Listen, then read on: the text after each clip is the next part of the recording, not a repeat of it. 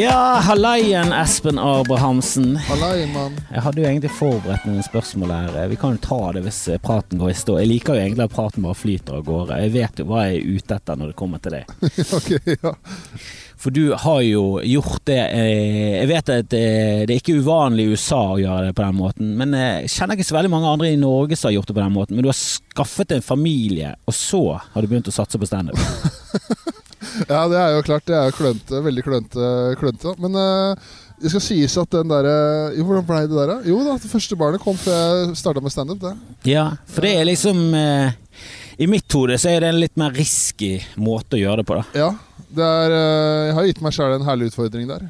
Men jeg så. føler også at det gjør det jækla fokusert. Det har i hvert fall hørt om amerikanske komikere som liksom startet litt senere. De har kanskje startet når de er 27, og så har de tre barn, og så begynner de å gønne på. Og da er det veldig sånn jeg må jo få dette til å gå. Jeg kan ikke drive og bare kødde. Nei, jeg blir jo i hvert fall motivert da, til å prøve å få det her til å funke. For det er jo, nå har jeg tatt uh, Jeg har, jo drivet drevet studert, jeg har jo ett år igjen på studiene, egentlig. Nå har jeg permisjon fra det òg, så nå er jeg virkelig egga, egga i én kurv her. Ja, det, det må vi komme tilbake til. Hva du ja. egentlig ville Eller hva du egentlig så for deg at du skulle bli. Jeg er jo mer interessert i Når, når var det du startet? Altså nå sånn eh, nøyaktig for, Hvor mange år siden var det? Februar 2020.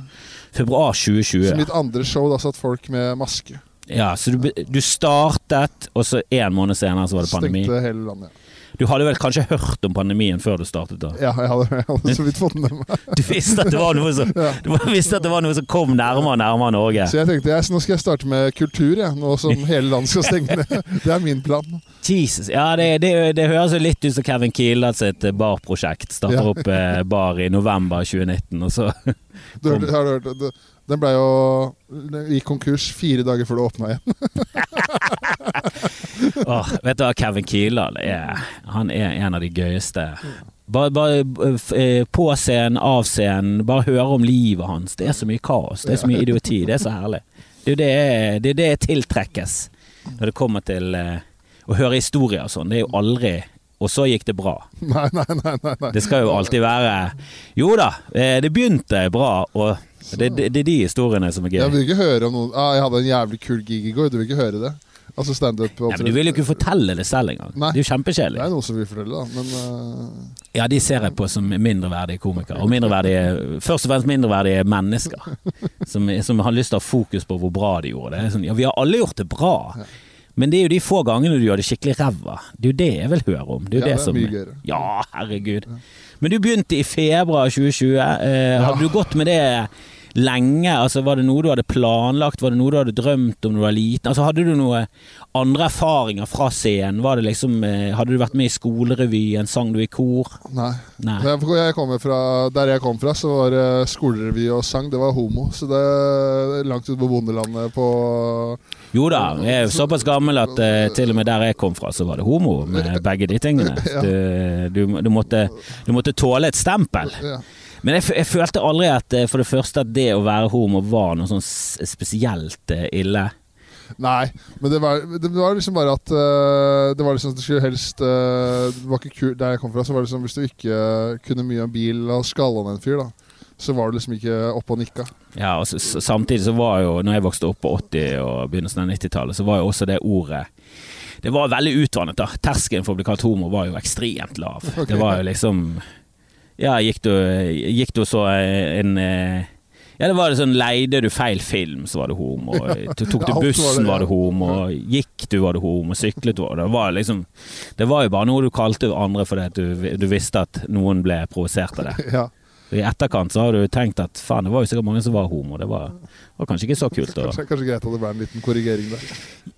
Ja, altså når folk snakker om wokeness som det ondeste av det onde, så er det litt sånn jo da, det er, det er, irriterende med de som drar det for langt. De som er for langt ute på ytterkantene. Ja. De er jo de mest irriterende folkene. Og, og, de som snakker om at wokeness er ondskap, de er også for langt ut på den andre skalaen. Så ja, dere er en jævla pain in the ass. Det hadde vært mye gøyere hvis bare menneskeheten hadde befunnet seg i midten. Eller det, det er jo der menneskeheten befinner seg egentlig, da. Sånn 80-90% av oss er jo i midten. Ja, ja, og så er det de ytterkantene som provoserer. Altså, de det er jo de som snakker høyest, så det blir gjerne de som uh Men jeg hadde da Jeg hadde, jeg hadde ikke noe sceneerfaring. For jeg, jeg drev og, jeg drev og ku- ku- kuka rundt der og spilte ishockey. Sånn. Gikk på NTG og Ja, du ser jo ut som en ishockeyspiller. Ja, altså, du er jo Jeg har hørt mange ganger. også. Jeg vil jo beskrive deg som en stor fyr, og hvis folk er sånn Er han tjukk? Nei, han er bare stor. Altså Hadde du vært en viking, så, så hadde ikke du fått lov til å skyte bue. Du hadde fått en tohodet øks og bare Du, du skal ta man det opp og blir berserk og løp først ut av denne båten, for du skal, du, vi skal ikke skusle bort ditt talent med å skyte pil og bue. Det kan de der eh, homsene bak der gjøre. det var et veldig utrett utbredt eh, eh, skjellsord i den tiden. òg. Fordi jeg var jo Jeg gjorde en standup-opptreden med Jonis Josef forrige uke. Og da jeg kommer av scenen, så kommer han bort til meg. Først han sier 'Du er ikke feit'. Men det bare ser ut som noen har dratt deg ut på paint. Ja, vi satt jo på en kafé i sted, og jeg observerte det. Vi satt i en sånn bås. Som normale folk ser helt normale ut, men du så ut som en sånn kjempe som satt i et dukkehus. du så ukomfort du, du er en svær fyr. Så jeg, eh, du, du, var, var du i mål òg? ja. Ja. Ja. Det er jo der du Altså, skal du caste en film, og du trenger en litt sånn rappkjeftet uh, målvakt, så tror jeg du må gå på audition, altså. Du ja, må, burde i hvert fall få en liten innkalling til audition. Ja. få en liten sjanse. Altså Hvis dere caster en eh, ishockeyfilm i Norge per dags dato og holder på med det nå, og dere har ikke sendt ut eh, en mail til Espen, så, så har ikke dere peiling på hva som foregår i underskogen på eh, norske, norske scener. Da, her må dere faen meg finne ut av hvem som egentlig passer i den rollen. For jeg hadde castet det på sekundet. Helvete, du ser jævlig ut som en ishockeykis. Ja. Og det er, eh, det er, egentlig, det er egentlig ikke positivt. Det, eh, for det, jeg føler liksom at det er sånn inntrykk av at uh, ja, ishockeyspillere Det er sånn automatisk. Da er du rasshøl. sånn at uh, det går hånd i hånd. Jo da, altså gjennom film og sånn så har vi blitt fòret med at eh, og, og gjennom nyheter og eh, virkeligheten at, eh, at sportsfolk har et moralsk kompass som er litt sløvere enn Sløvere enn andres. Det peker ikke helt på Norddønn, da. Det er litt sånn virrer litt rundt. Det er en del, det, men mye av de historiene kommer jo fra USA og sånn. Det er jo veldig mye jocks og mye ja, mye dårlige ting som ser på de her collegene. Ikke nødvendigvis ishockeyspillere så mye du hører så mye drit om, men det er jo denne slåssingen. Ja, jeg, jeg har hørt noen sjuke historier her og der som eh, noen personer ikke burde håpe seg i dagens lys. Ja.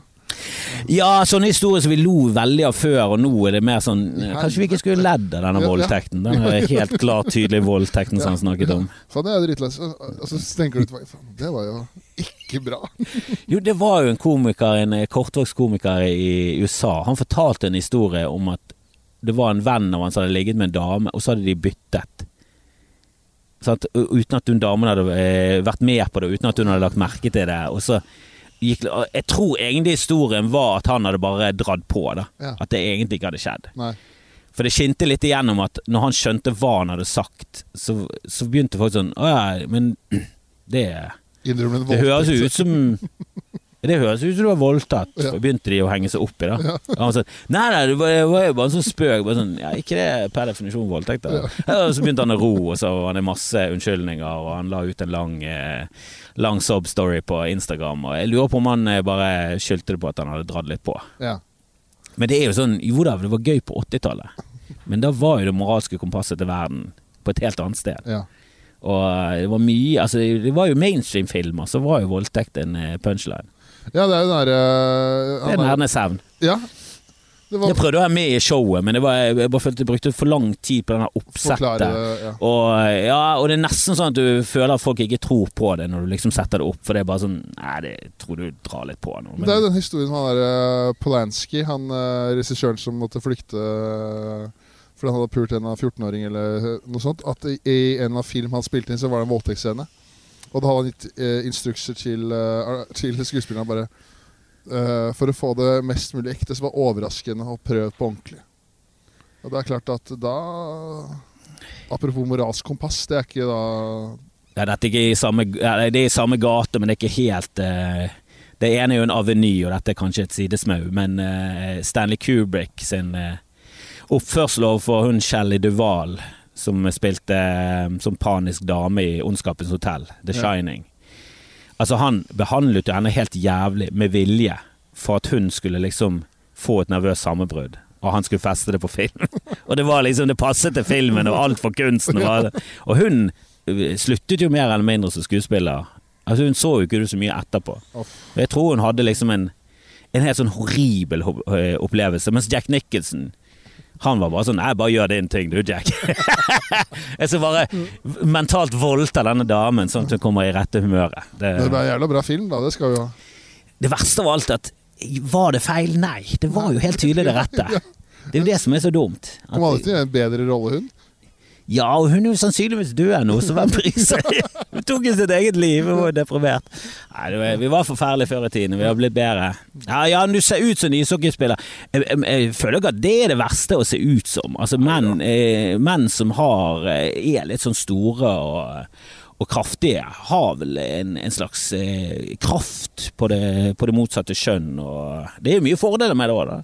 Det er jo noen som tiltrekker seg dette. Jo det er, jeg, det er altså Jeg skal ikke si jeg har merka altfor mye til det. Det er ikke fribrev av ikke Jeg får ikke, kommer ikke hjem, og det ligger masse fribrev hjemme.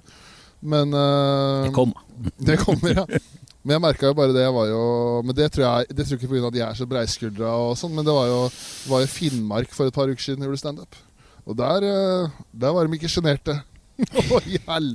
Kommer Det er litt sånn Da bare kunne du gå inn i baren, og så satt noen der bare 'Hallo, Espen'. Men jeg har aldri, jeg har aldri møtt dem. da var de rett fram, og de var ikke redde. Ja, det er vel mange komikere som måtte flykte Finnmark i, redsel for å bli kvinnevoldtatt. For det er Ja, de er rett frem. Og det er vel ikke så veldig mye sånn Altså, i Oslo er det en enorm gjennom... Altså, det er en trafikk av folk. Turister, folk som kommer der på businessreiser. Altså, det, det er hele tiden nye mennesker der. Det er ikke noe spesielt i Oslo å se et nytt tryne. Nei. Det er ikke sånn du legger merke til. Nei. Ja, har jeg sett det før. Vet du hva? Nei, er du en av de 700 000 som bor her, eller er du ny her? Men eh, når du bor på en plass med 58 stykker, så, Ute på Skjervøy. så, Ja, var ikke det en helt uh, sinnssyk opplevelse? Det, Det har jeg aldri, aldri møtt så mye sjuke folk i hele mitt liv som i 24 timer i Skjermøy.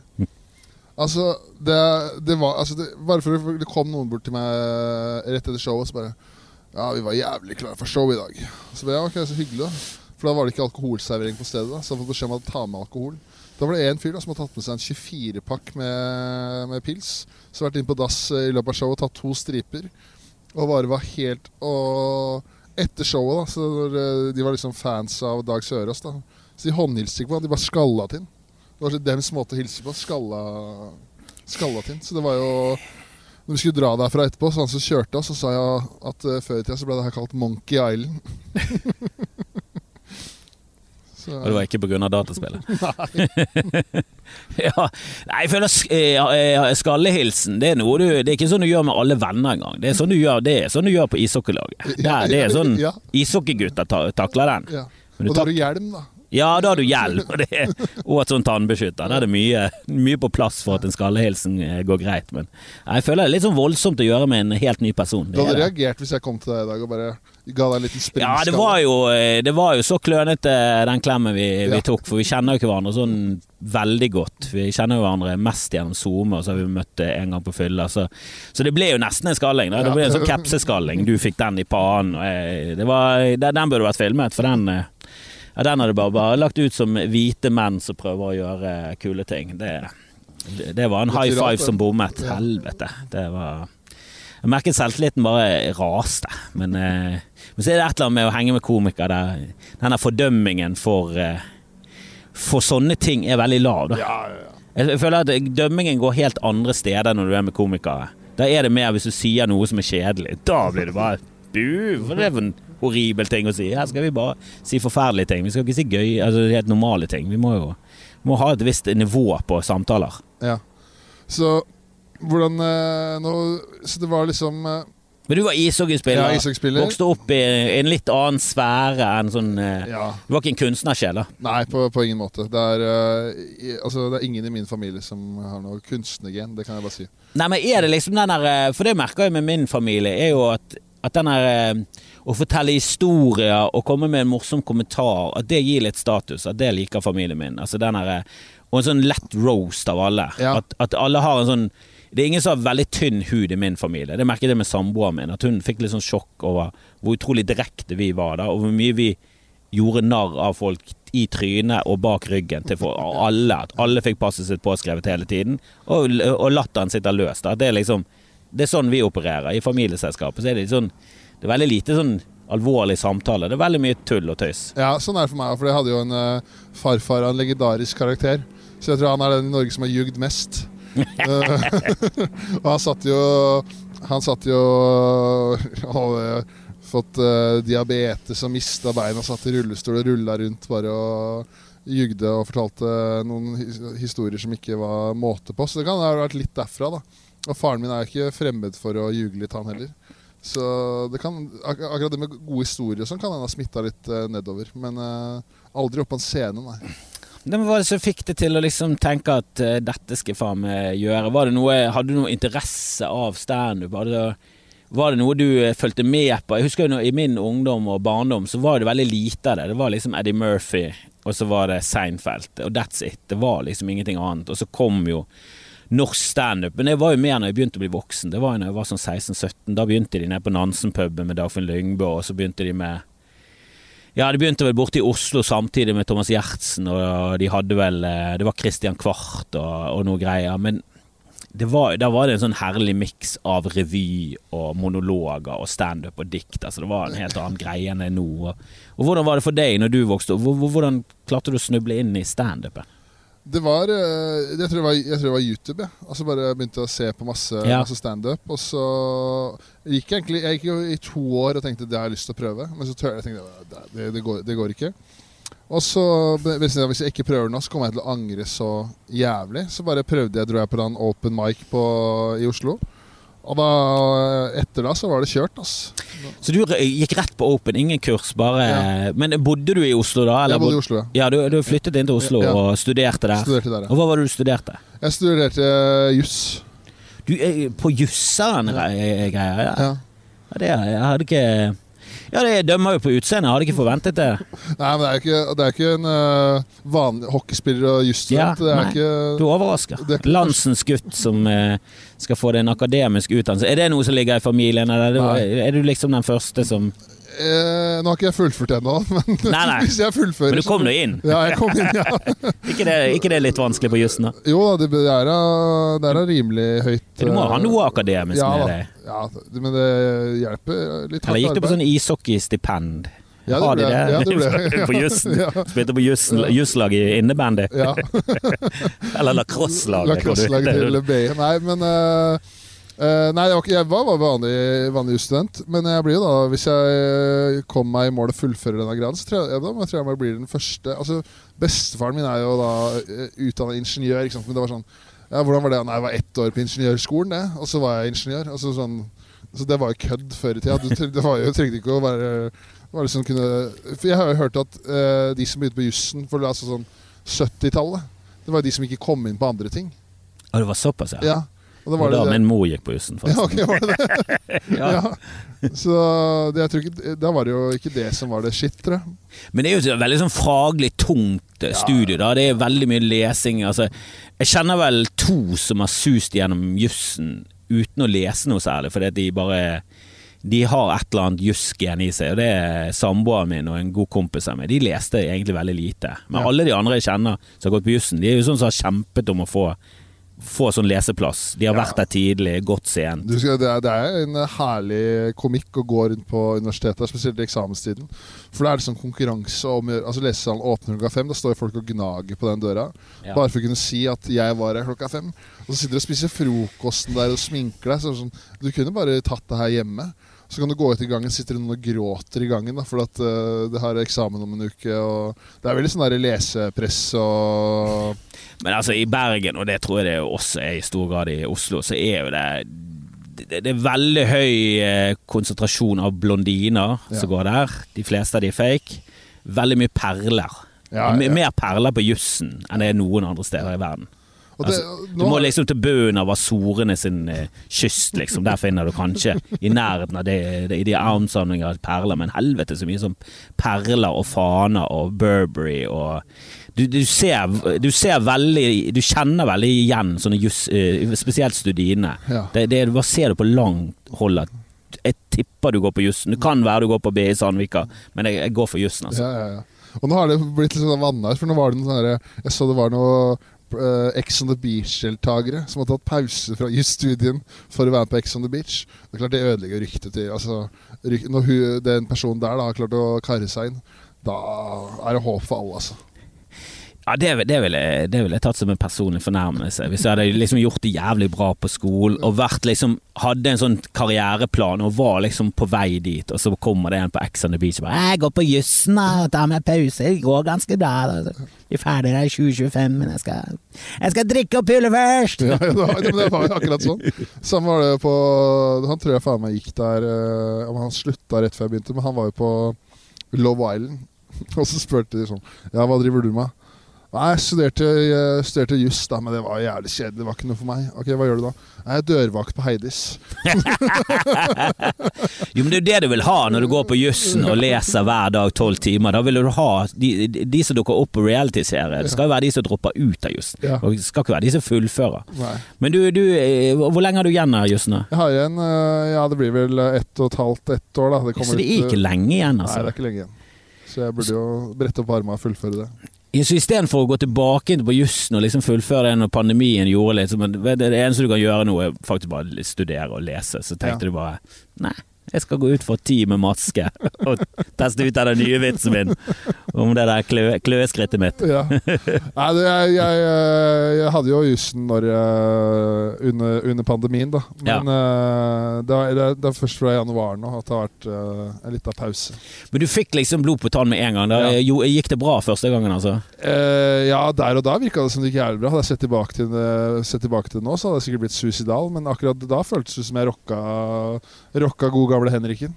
Jo da, men Altså, det, det er noen som er blind for det der, og det er noen som eh, har ja, som er litt for fornøyd med middelmådig re respons. Men jeg, jeg har en feeling at de fleste komikere, spesielt de som faktisk gjør det bra og får lov til å stå på latter og kommer seg opp og frem, de har mye mer sånn kritisk sans enn noen publikum har. Ja. Det er så, liksom, selv om publikum ler, så er det sånn «Uh, Nei, jeg snublet til det ordet. Fuck hele settet. Altså, spesielt når du står syv minutter.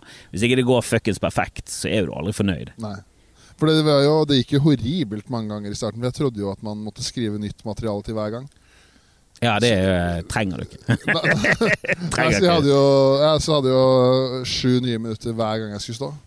Men det er, det er jo en bra måte å For det første, det gjelder bra trening. eh, Og for det andre så er det en bra måte til å få andre komikere til å like det. Hvis du hele tiden har noe nytt, så Ja. er det et eller annet spennende med å se Det er mye gøyere å se folk som du vet at ah, han pleier å ha mye nytt, så Ja. jeg, jeg ser på han, mens så kommer det en annen og så bare sånn Hvis han begynner med en gammel vits, så sånn ah, han skal kjøre. Han kjører settet sitt. Det, det, er, det er ikke så spennende å se folk eh, kjøre settet sitt som å, som å se, høre noen nye tanker. Det er jo det som det er jo det som er det gøyeste. Ja, ja. Og, og selv å teste ut noe nytt, er jo, det er jo alltid Ja, det er det beste hvis du får det til å funke. Det er jo Ja. euforisk. Det er jo ja, Hvis du har en den gamle dum møkkavitsen Ja, drit og Og det er jo sånn at du kan jo begynne å hate vitser som fungerer. Ja. For du er bare så lei av han, og det, og det er et eller annet i han som er litt sånn Han er jo litt sånn Han er småhacky. Jeg vet at han funker, den starten er bra, men den siste den siste punchen Jeg vet at Den er billig, altså. Men er har, du hatt, billig! eh, har du hatt det sånn med showet nå? At du er lei, begynner å gå lei?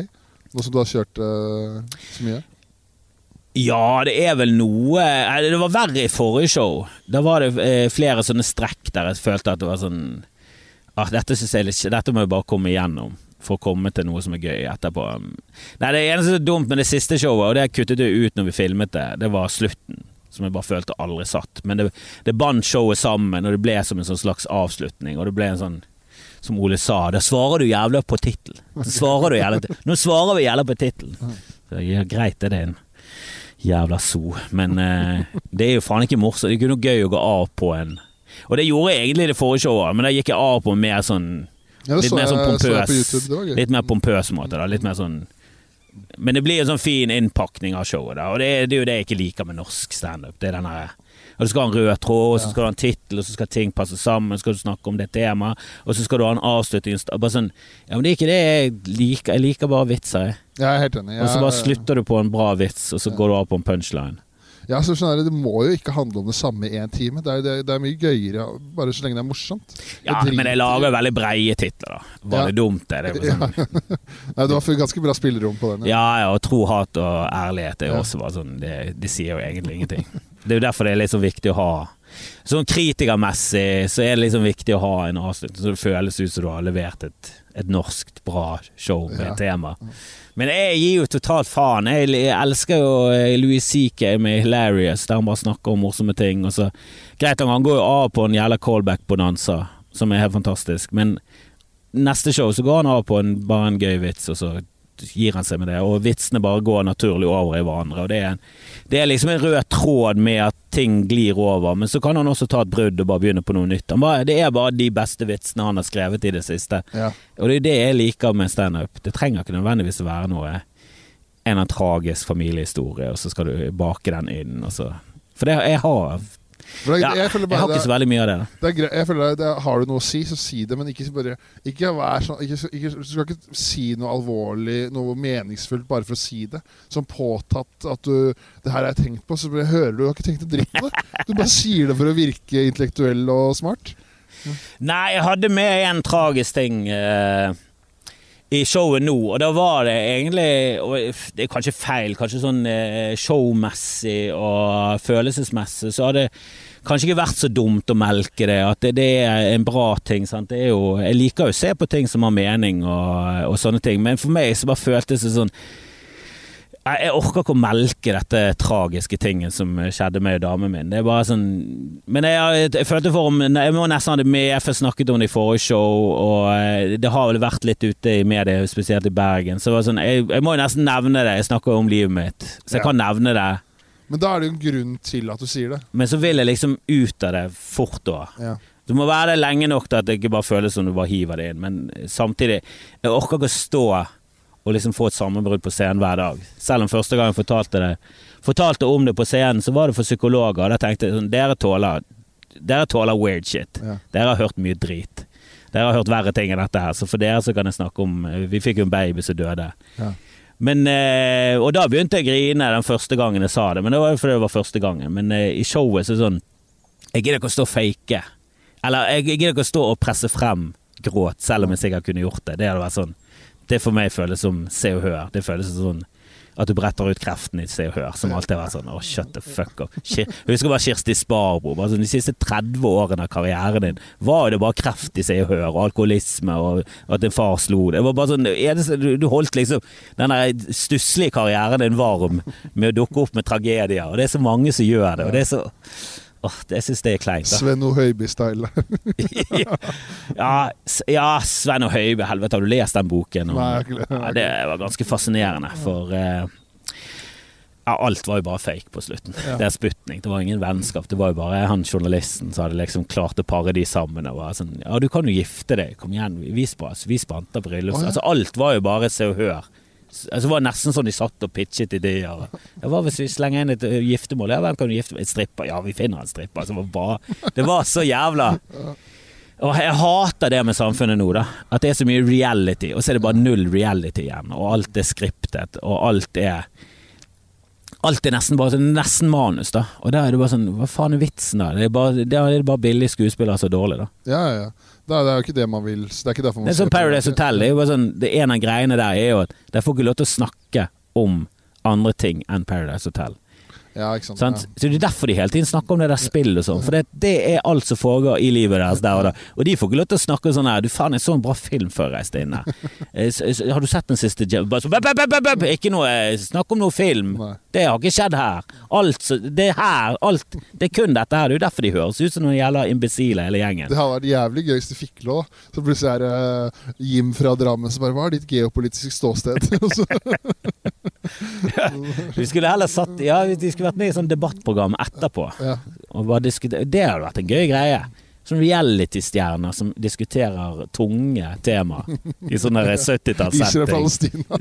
ja, Israel-Palestina, så har du sånn Iselin og, og han der eh, Hva heter han der kompisen til Abu? Han Mayo. Mayo ja, ja. ja, ja han virker bare som et herlig menneske. han virker ikke så kunnskapsrik, men jævlig herlig og selvutleverende. Jeg liker jo han. Men du var ishockeyspiller, begynte på jussen, satset på standup. Eh, og så gikk det bra, og så var det fuckings pandemi. Hva, altså, når var liksom neste gang du sto foran et normalt publikum igjen? da? Nei, det var nå det åpna helt igjen. Når var det? 20...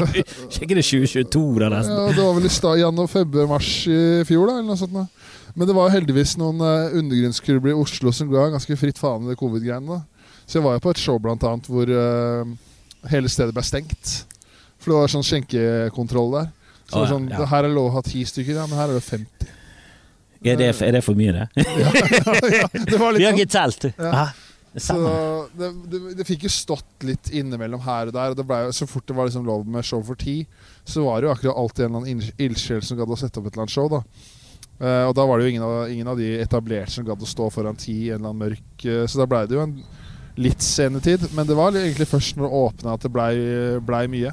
Ja, hva var det verste showet du gjorde noe utendørs? Ja, ja, ja. ja det var jo helt forferdelig. Jeg gjorde Jeg holdt, jeg holdt, jeg holdt på å daue, uten å kødde. Jeg sto så ute i Lillestrøm i pøs regn. Under en sånn parasoll, og høyttaleren sto litt utafor. Og knitret. Ja, ja, det var sånn, de sa sånn vi må, vi må ta pause i showet. Fordi at hvis det blir mer vann der nå, så kommer han til, som holder mikrofonen, Ja, til å bli støta til helvete. uh, og da hadde jeg akkurat vært på scenen. Så det, ja. Det var sånn, du, var det- da du står med sånn oppvaskhansker og gummistøvler, du må jo være litt forberedt. Ja, ja, ja. og så var det sånn show hvor du bare møtte opp. Det var ingen som visste at det var standup. Du bare sto og prata til en vegg, og du ødela Det var en det ødela daten til folk. Og det var jo eh, En av de verste, sånne mest ydmykende opplevelsene jeg hadde, var eh, på en bar på Grünerløkka. Så var det liksom seks stykker da i publikum, og det var ingen av de som skulle se på standup, selvfølgelig. Og så drev jeg og babla med noe selvfølgelig dritdårlig nytt materiale. Og da var det en dame som reiste seg opp. Og liksom sånn, Hun satt liksom rett foran scenen og så på meg og bare 'Syns du virkelig det er morsomt?' Og, og da var det sånn Jeg bare imploderte.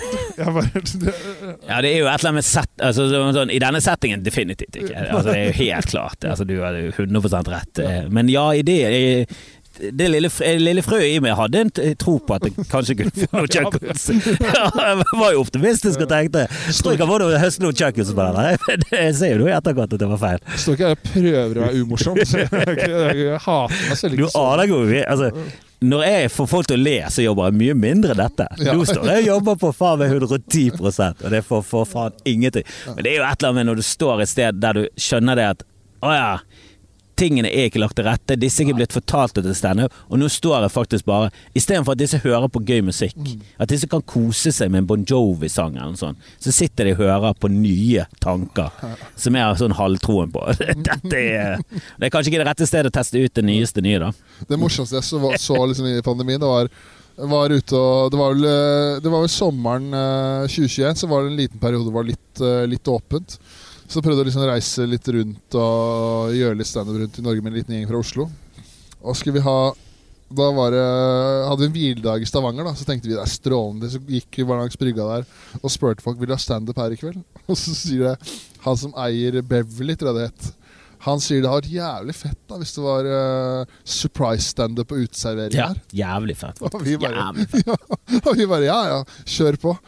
Og da skulle heldigvis Det er en av de få gangene, for da skulle jeg stå litt seinere i lineupen. Det er en av de få gangene jeg bare Jeg nekter. Er for da var det Mens en komiker står på scenen da, så var det en som gikk opp til han mens jeg holdt mikrofonen, og sto og skreik han i ansiktet 'du suger'. Og da tenkte jeg bare Nei, det, jeg tåler mye, men akkurat her, da Ja, jeg skal ikke teste ut det nye Russland-Ukraina-materialet der. Jeg tror jeg, tror jeg lar den eh, vitsen modnes litt før vi tester det ut. Nei, surprise standup er, det er faen meg det dummeste. Du kan komme på som idé av all Når det kommer en standup, så er det sånn at det skal være en surprise. Nei, det er første nei. Det husker jeg i starten, når du var leid inn på sånn firmagreier og sånn, og så skulle du være en surprise der. Det er sånn ja, men det er jo en dobbel surprise. For det første så er det litt sånn skuffende at det skal være standup, og så er det ekstremt skuffende at de ikke har engang hørt om han som skal ha standup. Jo, men du er jo litt kjent i Ja, men dette var jo før. Altså Nå merker jeg at det faktisk kan være en hyggelig overraskelse. At du merker det at ah, det er noen som faktisk syns dette er litt gøy, at de klapper litt mer enn de andre. Men da var det bare sånn Da alle var sånn Hæ, hva? Chris, hvem? Chris, Christian? Hva faen er det du snakker om? Det Standup? Hvorfor? Og så var det en, var jo en komiker som ble introdusert med at i fjor så, så hadde vi bonger. I år har vi han her, ta vel imot. Og så introduserte de en tryllekunstnerkomiker som kom på scenen og bare sånn Hvorfor sa du det? Og de, de sitter der og bare sånn Er han grunnen til at vi ikke drikker mer nå? Ja. Helvete. Men jeg, jeg har en historie som garantert slår det der. Fordi at eh, jeg, eh, det, var, det var jeg og en som heter Gucci-Gaute. Kjenner Gucci-Gaute. Alle kjenner vel Gucci-Gaute. Sjekk ut Gucci-Gaute. Han Ja. har jo Gucci-Gaute-show på Eller Gaute-show på YouTube. Det er jævlig gøy. gøy. Jævlig gøy fyr. Så da, da hadde vi blitt leid inn for et surprise standup på julebordet til Holtzweiler. Uh, og da er det først han CEO-kuken. Altså, Var de, de, de som leverte dusjhodene i Auschwitz, det? ja, jeg lurer på det. ja Det er det der kles, eh, klesmerket Ja, Det høres douche ut. Ja, ja, ja, det gjør det. Og da, da står han og snakker om hvor fantastisk de har gjort det, og hvor mye penger de har tjent. Og det er selvfølgelig Du får jo narkolepsianfall av å høre på når han står der og prater. Og så sier han da har dere fortjent en overraskelse. Og så skal han introdusere altså Alle sitter der, vi har litt standup. Sånn, Faen, er det Lars Berrum? Er det Jonis Josef som kommer? Siden vi har tjent så mye penger? kanskje det er Thomas Gjertsen? Ja, ja, ja. Har de fått Thomas Gjertsen? Ryktene begynner å gå. Det er Thomas Gjertsen, folkens. sånn Ta vel imot Espen Abrahamsen. Og så ser folk bare Hvem i helvete altså, Og da, uh, utover kvelden her, så tror jeg vi var tre komikere. Og nå har siste komikeren var på, så er det en som reiser seg opp og slår i bordet og sier Nå er det nok. Nå må vi ha noe musikk her. Ja. ja, men det er Altså, de gangene standup går til helvete, så er det nesten utelukkende folk som arrangerer det feil. Ja. Som pakker det inn på feil vis, de har ikke bra nok utstyr, de, det er for sent på kvelden. De leverer standup når folk vil ha musikk. Altså, det hadde vært bedre med et polkaband på scenen, for det kunne de i hvert fall kose seg med. Altså, det er bare sånn Standup er veldig enkelt å få til, og så er det f enda enklere å fucke opp. Ja. Det er så lett å fucke opp. Ja, det skal ikke mye til. Det skal ingenting til for å fucke det opp. Det, det, forholdene må være lagt til rette. Du må ha et fokuspunkt, du må ha en scene, du må ha bra lyd. Og du trenger ikke ha en mikrofon, men du må ha Da må det være et lokale som tåler det, og det må være en rette setting. Og da må det være liksom på dagtid, og du skal gjøre det foran tolv stykker på et seminar. Da trenger du kanskje ikke mikrofon, men det må være noe der. Det må være en interesse fra publikum. Det er jo det, det er kanskje alfa og omega. Det må være en interesse fra publikum at de har lyst til å høre på. For det er ikke alle som kan eh, hoste frem jokes som er sinnssykt korte og bare går rett til punchline. Nei. De fleste eh, må sette dere inn i en eller annen tanke. Du har en idé, du har et premiss, og så skal du vitse oppå der igjen. Og Hvis ikke du er interessert i å høre på premisset, så er du i hvert fall ikke interessert i å høre på slutten. Nei. Men det merker jeg sikkert eh, Jeg bare føler de nå har ikke, Jeg skal ikke si at jeg har gjort enormt mye filmajobber, da, men det merker sikkert du at det er sånn her, Med mindre du snakker eh, Eller du må ha en killer bit, eller du snakker om de, så er det liksom Interessen er jo helt middels. Ja, Der merker jeg stor forskjell på Bergen og ellers, for her har en sånn snarvei til jokes på at det er fra Fana, Ja, og at de fleste i Bergen hater Fana. Okay. Så går du bare rett på det, Ja. og så Ja, det er ikke plankekjøring, da, men da, da får du i hvert fall en inn, og så får du noe greier der gratis. Og så, ja. og så kan du bygge videre på det. Men er, jeg har gjort mye firmajobber som har gått til helvete. Og det, var, det er et eller annet med at når du står der med det desidert beste du noensinne har skrevet, og det, og det bare, det er så 100% materiale, det treffer bredt, og det er folkelig, og det er ikke drøyt. Det er liksom, dette her er akkurat i den lommen på firmamarkedet, og du har testet ut så mange ganger. Og så står du sånn fem minutter, så er det faen ingenting, liksom. Det, og da, da var det sånn det er ikke noe at jeg kan skifte gir nå. Det er liksom dette i 20 minutter til. Det er ingen plan B. Nei. Og jeg er ikke noe god å riffe på publikum, og hvis jeg begynner med det, så blir jeg alltid for frekk. Og det er, det er også en dårlig greie å skifte gir til det, for ja. jeg føler jeg er revers. Så så dekker ut av lokalet. Men det, det går som oftest greit, det gjør det. Men faen, det er ikke lett.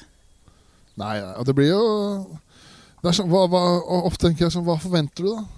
Så, så jeg bare skulle gjøre en eller annen jobb i, i Jeg hadde ikke holdt på med stand lenge, så var det Drammen for noen kokker. Ikke hadde mikrofon, ikke hadde en scene. Skulle bare stå der iblant de og stå og skrike, da. Og det gikk jo selvfølgelig til helvete. Så, hva, hva trodde du kom til å skje? Trodde det kom til å bli dritbra? Og så er du helt hjernedød. Nei, men det er Altså, vi treffer jo på sykt mange som kan det. Og det er sykt mange som har gjort det mange ganger, og, og vi kommer steder der de har vanligvis standup. Altså Der har de erfaring, men så møter du av og til på folk som det er første gangen de noensinne har vært borti at noen skal være morsom ett sted. Ja. Så de har ikke tenkt på noe. De har ikke tenkt på mikrofon, scene, lys, ingenting. Selv om det står jo Hvis du gjør spesielt jobber for gjennom Stand Norge, så står jo alltid en jævla fuckings kontrakt. Uh, og det er veldig sånn spesifisert. Der er det litt for mye.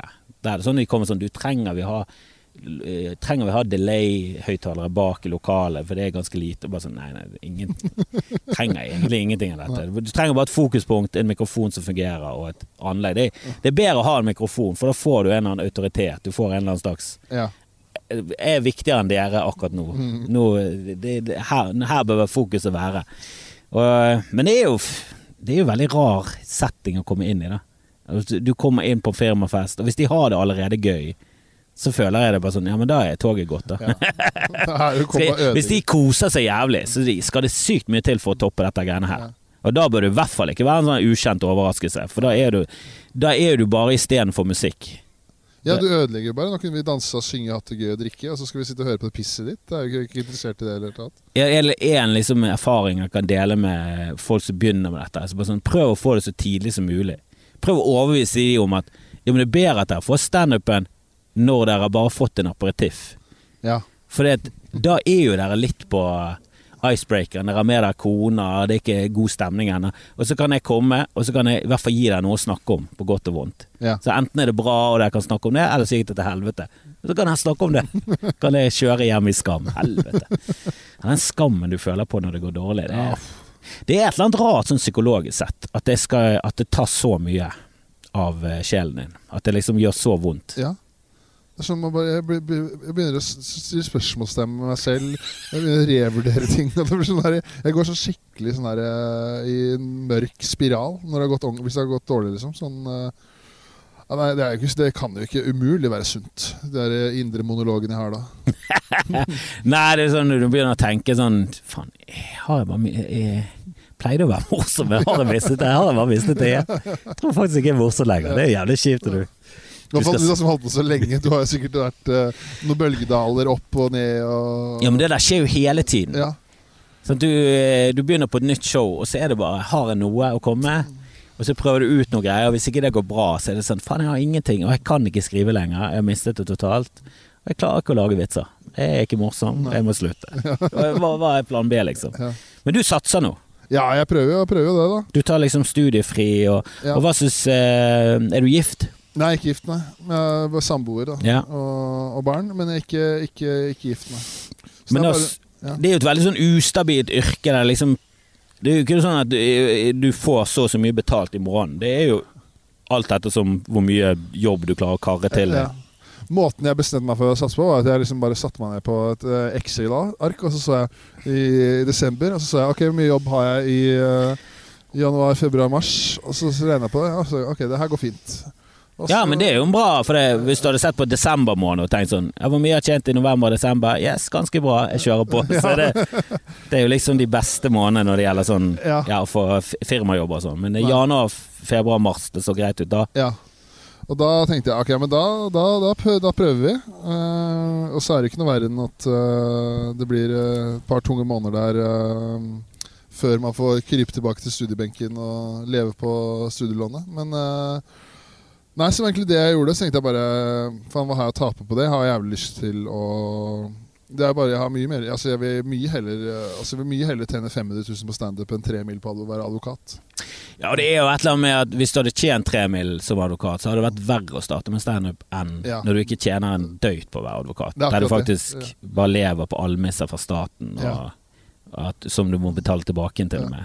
Der er det liksom Du var i hvert fall rett eh, timing på det der, for det, du ser jo mye eldre ut enn du er. For du, hvor gammel er du nå? Jeg er 30. Ja da, men du ser jo ut som du er Men du har, du har sett sånn ut siden du var 22, Ja, tipper ja, jeg. ja.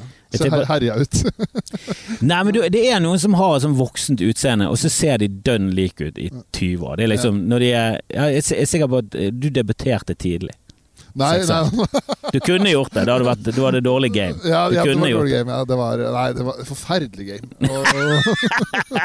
Du sto i mål på ishockeylaget. Du så ut som du var 40 når du var 20. Kom igjen, hva er det, hva er det du holder på med? Du, du, du så sikkert buksen voksen ut når du var 12. du, skal se, du skal se noen bilder av meg du, fra da jeg er 15-16. Det, er- det ser helt forferdelig ut. Jeg skulle, jeg skulle farge håret fra noen blonde striper, så ble de for lenge. Det var oransje hår, jeg hadde bling i det ene øret. Og det var jo det var helt natt. Ja, men helvete, du hadde farget hår og bling i øret. Det, var, det er sikkert på at venninner av mål og strødd etter deg. Du, bare, du plukket ikke opp signalet. Du, du kunne faen meg blitt voldtatt av 40-åringer fra du var 12, du. Det, det verste er jo at eh, jeg tror jeg var Jeg var vel eh, godt uti 16 når vi fikk eh, sjøsatt, holdt jeg på å si. Beste Ja, og det er jo fra der du kommer fra, så er det, det er jo nærmere 30 i Oslo, det. Ja, for det, skulle, ja, det, er det jeg skulle si. For det bestekompisen min, han pulte jo første gang han var tolv. Så jeg gikk jo fire år og bare hørte rykter om hvor, uh, hvor gøy det her var. Så det var jo Ja, så det, det føltes som en evighet. Ja, jeg kommer ikke fra Jeg kommer egentlig var langt ut på landet i Bergen, sånn, ute med Fana kirke. Det er jo bondelandet. Det er jo sånn eh, Når du snakker med andre fra Bergen, i hvert fall på den tiden, så var det sånn Å, jeg kommer du ut fra lukten, liksom. For det var jo bondegård og sånn. Du kjørte forbi Sten jordbruksskole, var liksom forbi den. Så for, eh, for normale bergensere så er jo det jævlig langt ut på landet. Men det det har fortsatt den bykulturen. Det har ikke den landlige som hvis du kommer fra sånn Odda eller sånn skikkelig land eller Voss. Ja. For der debuterer de jævla tidlig, altså. Ja. Og så er det, de er jo besteforeldre de er 26. Ja. Sånn Ja. Ja, det er venninna med mor. Hun, eh, hun fikk barn ganske tidlig, og så fikk datteren barn når hun var 18, og så fikk datteren igjen barn når hun var sånn 17-18. Så der er jo det bestemor når min mor hadde liksom fortsatt oss boende hjemme, så var bestevenninnen bestemor. ja.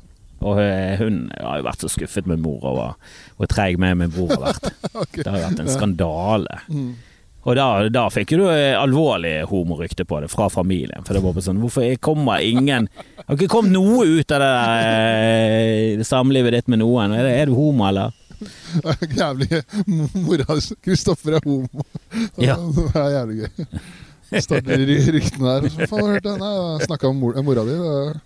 Er du sikker? da? Ja, han står på scenen, han er en homo. en sånn kulturfyr. Ja.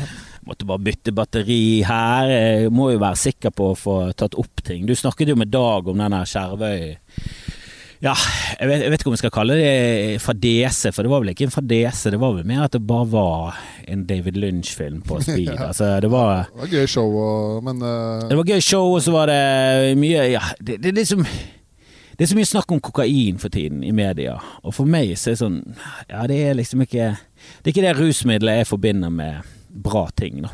Nei, det er jo Man har jo Liksom Å, å ruse seg på kokain og så gå på standup, det bare høres ut som en sånn Høres ut som en veldig feil måte å utnytte kokain på. Da. Altså Går du på dansefest og liksom skal holde ut, så er det sånn Ja, kjør noe. Jeg skal si det to to timer stille og lytte. Da tar jeg to Ja. striper. Det er jo veldig motsigende. Ja, for det er sånn røyk når det er en joint eller noe sånt. Altså, jeg gjør noe sånt. Jeg husker det var i pausen på sånn Bømlo-show. Vi hadde show på Bømlo. Og så snakker vi med noen eh, forferdelige lo locals der. Det er tre damer som bare Vi måtte bare flykte. De var så jævla Ja, de var så skumle etter hvert. Men de tok jo ecstasy i pausen. Og Bare sånn Hvorfor? Hvorfor skal dere sitte på ecstasy og se, høre på standup? Ja. Det er feil bruk av rusmidler. Ja. Men å sitte på Skjervøy og dra colalinja og gå på standup, det var tydeligvis en ting. Det var en ting, ja. Og det var jævlig gøy. Han det var en fyr der som er Ja, det er jo etterligningen av det som en gang var kokain. For du kan tenke mange ledd den colaen har vært igjennom før den kommer opp til Skjervøy der. Jeg kommer ikke ren fra Colombia, Nei, det- direkte til Skjervøy med sånn her eh, Cuba Cabana-båt Ja, som, nei, så det var som Miami Vice-båt. ja. Så det var vel uh, mye hvetemel eller Paracet eller hva faen det er for noe han putter oppi der. Eller vanna ut. Men øh, det var liksom bare folk Det var liksom folk var sånn her Det kommer en fyr etter show, og så bare Ja, forresten, jeg ble faren da jeg var 14. Jeg, jeg har to barn, jeg, så var han 18 år. Og den unge, var 18 år og en unge på fire. Det var liksom sånn, Han var en helt normal fyr, da. Så, sånn var alle folk. Det var, sånn, det var jo en guttegjeng, da, bare for å beskrive hvor primitive de folka var. Så sitter det en guttegjeng da, rundt et bord etter show, så er det en spot, da, en lysspott i taket, som treffer han inn i ansiktet. Og lysbryteren er da en armlengdes unna. Så istedenfor bare å trykke på lysbryteren, så reiser han seg opp og så tar han telefonen så knuser han spotten i, i hotellbaren. Og alle gutta bare Fy faen, du er legende, ass. Ja, da er terskelen for legende lav for tiden, altså. På Skjervøy. Ikke, jeg tipper at det har skjedd mer legendariske ting på Skjervøy. Ja. Ute i en fiskebåt opp igjennom, så tror jeg det har skjedd ganske mye fete ting. Ja. Men eh, akkurat det der knuse lysbæren for å slukke lys Jesus Christ. Det liksom, men det var veldig tydelig at det var øh, ikke, ikke med meg, da, men det var liksom stas for folk at Dag kom dit. For det, var, det, det skjedde liksom, De som drev Kulturhuset, var hyggelige folk, liksom, men det var liksom Ja, vi har jo budsjett, så vi kan ha to ordentlige konserter i året, da. Så liksom, når det skjedde noe, så pleide som regel lokalbefolkningen å komme ut, da. For det var liksom ikke så mye som skjedde. Nei, eh, altså du ser jo på turnélisten til Dag, det er jo Ja, det er liksom Du kan jo samle sammen eh, 50 av de minste plassene, så får du liksom en så får du befolkningen til Voss. Ja, Altså, det, er ja, sånn, ja. det er jævlig små plasser der. Og, der, og det, det kommer jo heldigvis Heldigvis treffer jo han jævlig der, da. At han faktisk får de fleste til å komme. Mm. Du får jo en broket forsamling. Men det er klart når du tar fly fra Oslo til Bodø, fra Bodø til Stokmarknes, fra Stokmarknes til eh, Tromsø, fra Tromsø til eh, Sørkjosmoen, og så må du kjøre to timer, da er du langt opp i helvete. Vet du hva, jeg husker jeg booket jo eh, Jeg jobbet jo mye mer med booking og reiser og sånn før. Jeg var med i Standup Bergen og hele den logistikken. Og jeg fikk liksom det ansvaret der. Og da husker jeg en gang Dag kom, og så skulle han videre. Og så bare fant jeg ut at det er fuckings tre flyplasser på Andøya.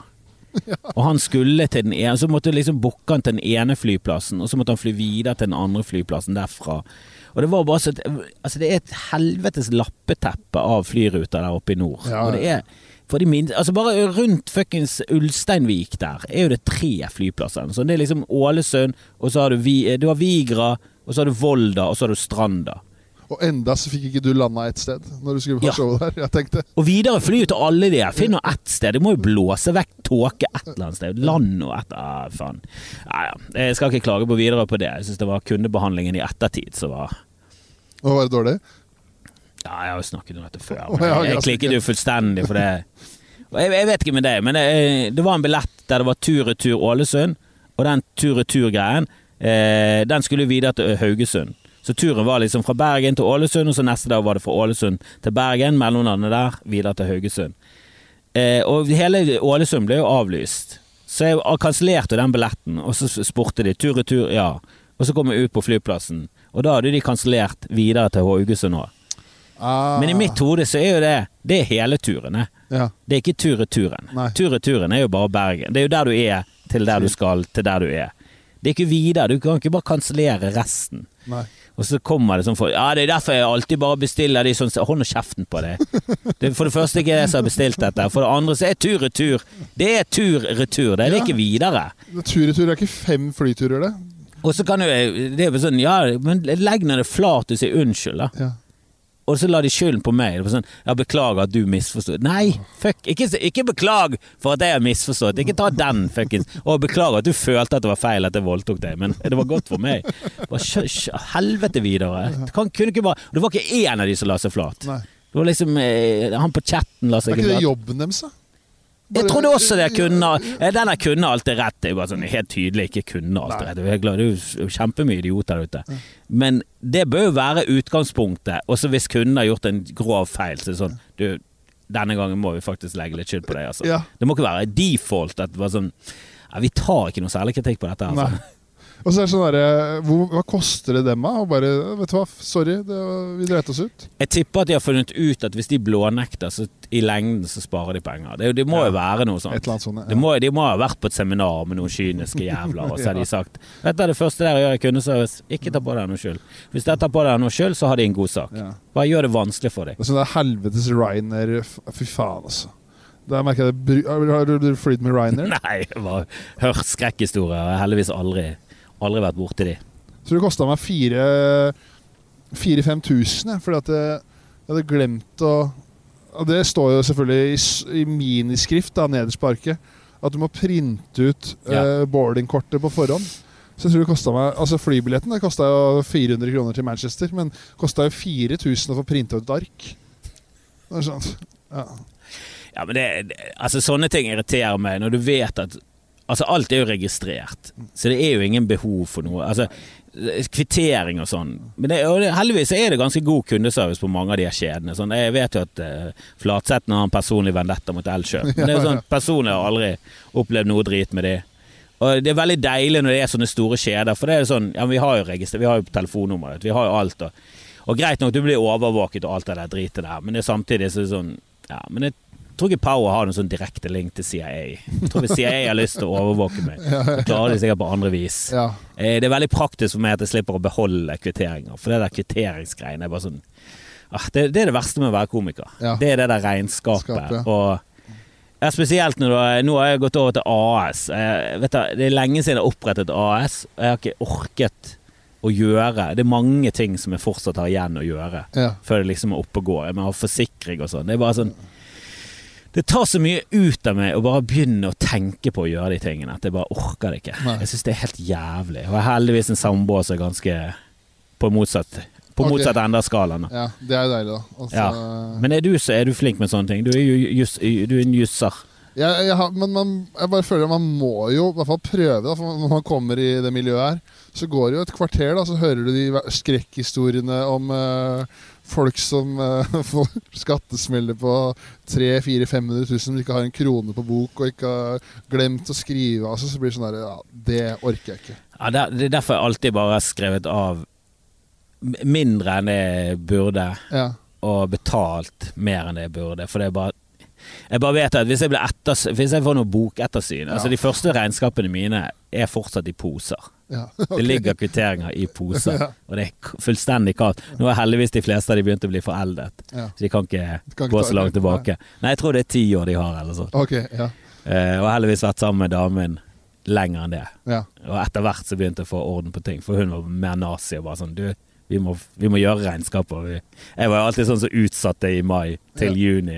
Og så den siste dagen før det, fristen gikk ut i juni, så var jeg sitte og finne kvitteringer. Og, og du, du har sånne kvitteringer som er sånn solbleket, så det var sånn, du ser jo ingenting. Det er bare sånn, Hvilket blekk er det der bruker? ja. Det, er faen meg, det er den billigste sorten. Ja, Nei, det må komme, komme dit at jeg kan betale noen for å gjøre det der, for det er jo bare sånn her Det er ikke det at det er så vanskelig, men bare sette seg inn i fiken. Okay. Så kjedelig. He, ja, re- hekte kvitteringa på riktig, riktig greie og sånn derre ja. Så skifter de hvert år. Ja. Så det som var før, så, I fjor så var det 72,95. Nei, nå er det på 73,16. Så må du lese det opp på de greiene. Og, så må du finne, og nå har jeg kjøpt meg bil, og sånn bilgodtgjørelse og sånn. er jo et hell. Altså, det er jo over kilometer der. Og, Ja ja, og så må du egentlig ha en sånn her bok, sant. Med du skal jo hele tiden føre inn. ja. Og det er greit når hvis du er liksom jobber for et firma, og, og det er liksom en del av jobben, så får du betalt for å også føre de greiene der. Men det gjør ikke jeg meg. Dette er jo bare ekstraarbeid som Ja. jeg må gjøre. Og jeg orker jo aldri. Nei, nei, Jeg gjør jo aldri det. Så jeg sitter da Og når vi gjør regnskapet, så må jeg sitte og google. Ok, hvor langt er det til fuckings Ulsteinvik, da? Ja, da får jeg Ja, det er 42 km der, og så skrive Åh, nei, det, jeg hater det! Kan ikke bare folk Kan ikke bare folk stole på meg? Ja, ja, Det var, kan ikke dere bare si hva jeg skal betale, så bare finner vi ut av det? Helvete, eller? Hater alt det der. Jeg hater de systemene, for jeg syns det er bare sånn Det irriterer meg at det er en fordel å være sånn flittig og nerdete. ja. Og det liker jeg ikke med sånn her eh, støtte og sånn. Der det er bare sånn Ja, men det er jo bare de som er mest nerdete og flittig. ja det hørte De jeg. får mest støtte. støtteordninger, Ja. Og de som er litt mer sånn her Ja ja, men jeg, kan ikke jeg også få litt, da? Så sånn Ja, da må du levere inn i bilag, så må du levere det, for, så det er Irriterende å se at Kurt Nilsen får 13,7 millioner fordi at han har en god manager. ja. Som fikser ting, ja. Ja, og så traff de bra på en loophole her, der det var litt sånn Nei, vi må holde maskineriet i gang. Og jeg er fullt klar over at ikke Kurt Nilsen sitter igjen med 13 millioner. Det går jo til hele, hele produksjonen. Men så er det litt sånn urettferdig når det etter hvert så var det bare sånn Nei, dere får ingenting. ja. Og Og det er de, sånn de som kanskje trenger det. Ja, det er bare sånn De er 400 frivillige, kan ikke de få 50 kroner? Nei. Nei, sorry. Det, No can do. Og jeg fikk jo eh, Jeg fikk jo showet mitt på kino igjennom noen, og de skulle liksom gjøre tingene for meg. Så viser det seg i etterkant at de har glemt å søke. Altså, helvete! Hele greien med å ha ting eh, på kino sånn, var jo, det var jo gulroten sånn økonomisk sett. Det var jo at du kunne søke, så for å ha en full sal, så var det bra hvis du solgte ut eh, de billettene du kunne. Det var liksom fullt. Og da skulle du liksom bli kompensert for resten. Ja. Så eh, det, det, var ikke noen ikke, gullgruve. Ikke gode gamle Schjelderup, han hadde glemt papirarbeid. Nei, det var ikke min feil engang. Jeg, sånn, jeg kan glemme ting. Jeg, jeg, det var samme med det her videre. Hvis dere hadde sagt 'skal jeg konsulere resten av reisen', så hadde jeg sagt ja. Ja. Det som irriterer meg, at dere har jo spurt meg om tur-retur. Så det er ikke på meg. Vanligvis hadde det vært på meg hele tiden. Ja. Jeg gjør feil, sånne feil hele tiden. Jeg leser ikke den Ryan Air-liten skrift. Nei, Jeg printer ikke ut billetten, og da er det på meg, da. Jeg skulle fulgt mer med. Men når det det er på dere, så gidder ikke jeg å ta noe skyld her. Det, det blir ekstra provosert. Jeg er vant med å ta skyld på meg selv. Ja. For jeg gjør dustete ting konstant hele tiden. Ja, så Problemet ditt er at du er i den posisjonen at du, ikke, du har ikke noe problem med å ta skylda, men Nei, nei, nei. Nei, ikke sant? Nei.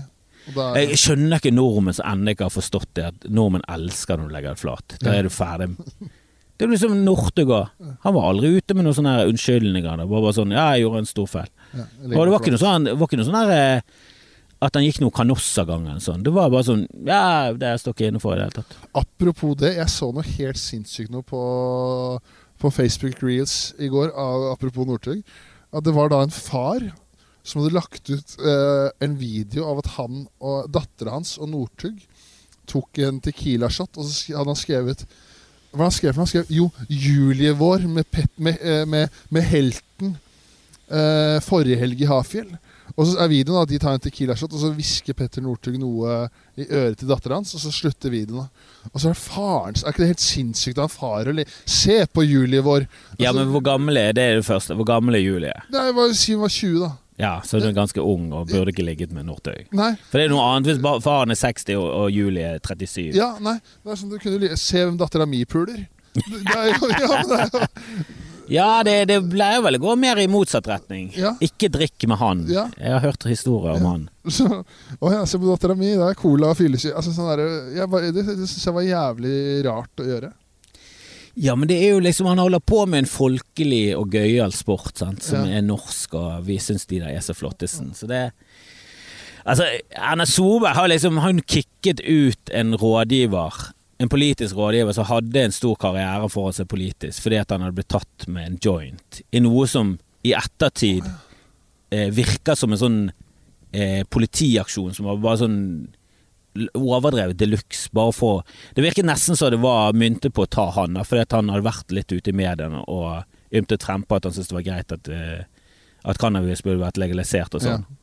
Eh, og det er greit når det kan godt være at det er tilfeldigheter, men det var litt sånn Og så ble han tatt like etterpå. For For joints, da. Altså ikke noe sånn salg eller store greier. Han hadde personlig på seg marihuana. Og ble jo bare kicket ut. Ja. Og ingen tilgivelse. Og det var liksom Nei, men du kan ikke, kan ikke forene det å jobbe i Høyre og misbruke narkotika. Og så fyllekjører Petter Northug. Noe som dreper veldig mange. Ja. Det er som De aller fleste ulykkene i Norge som skjer i trafikken, det er Der er promille av alkohol involvert. Og det er mye mindre grad andre narkotiske eller andre rusmidler. Det er fyllekjøring er en stor fare Ja, ja, for liv og helse. Det er det, og så kjøre i 200 inn i tunnel og sånne idiotiske ting. Og så gjerne i en kombinasjon. Og det er liksom bare Hun gikk ut med en gang om sånn Ja, men vi må jo tilgi. Ja, ja, ja, ja det var akkurat det. Og Som er sånn Jo da, det er jeg helt enig med at vi må tilgi. Men, det, men jeg syns jo dette er en Dette er en enormt alvorlig forbrytelse med fare for liv og helse. Ja.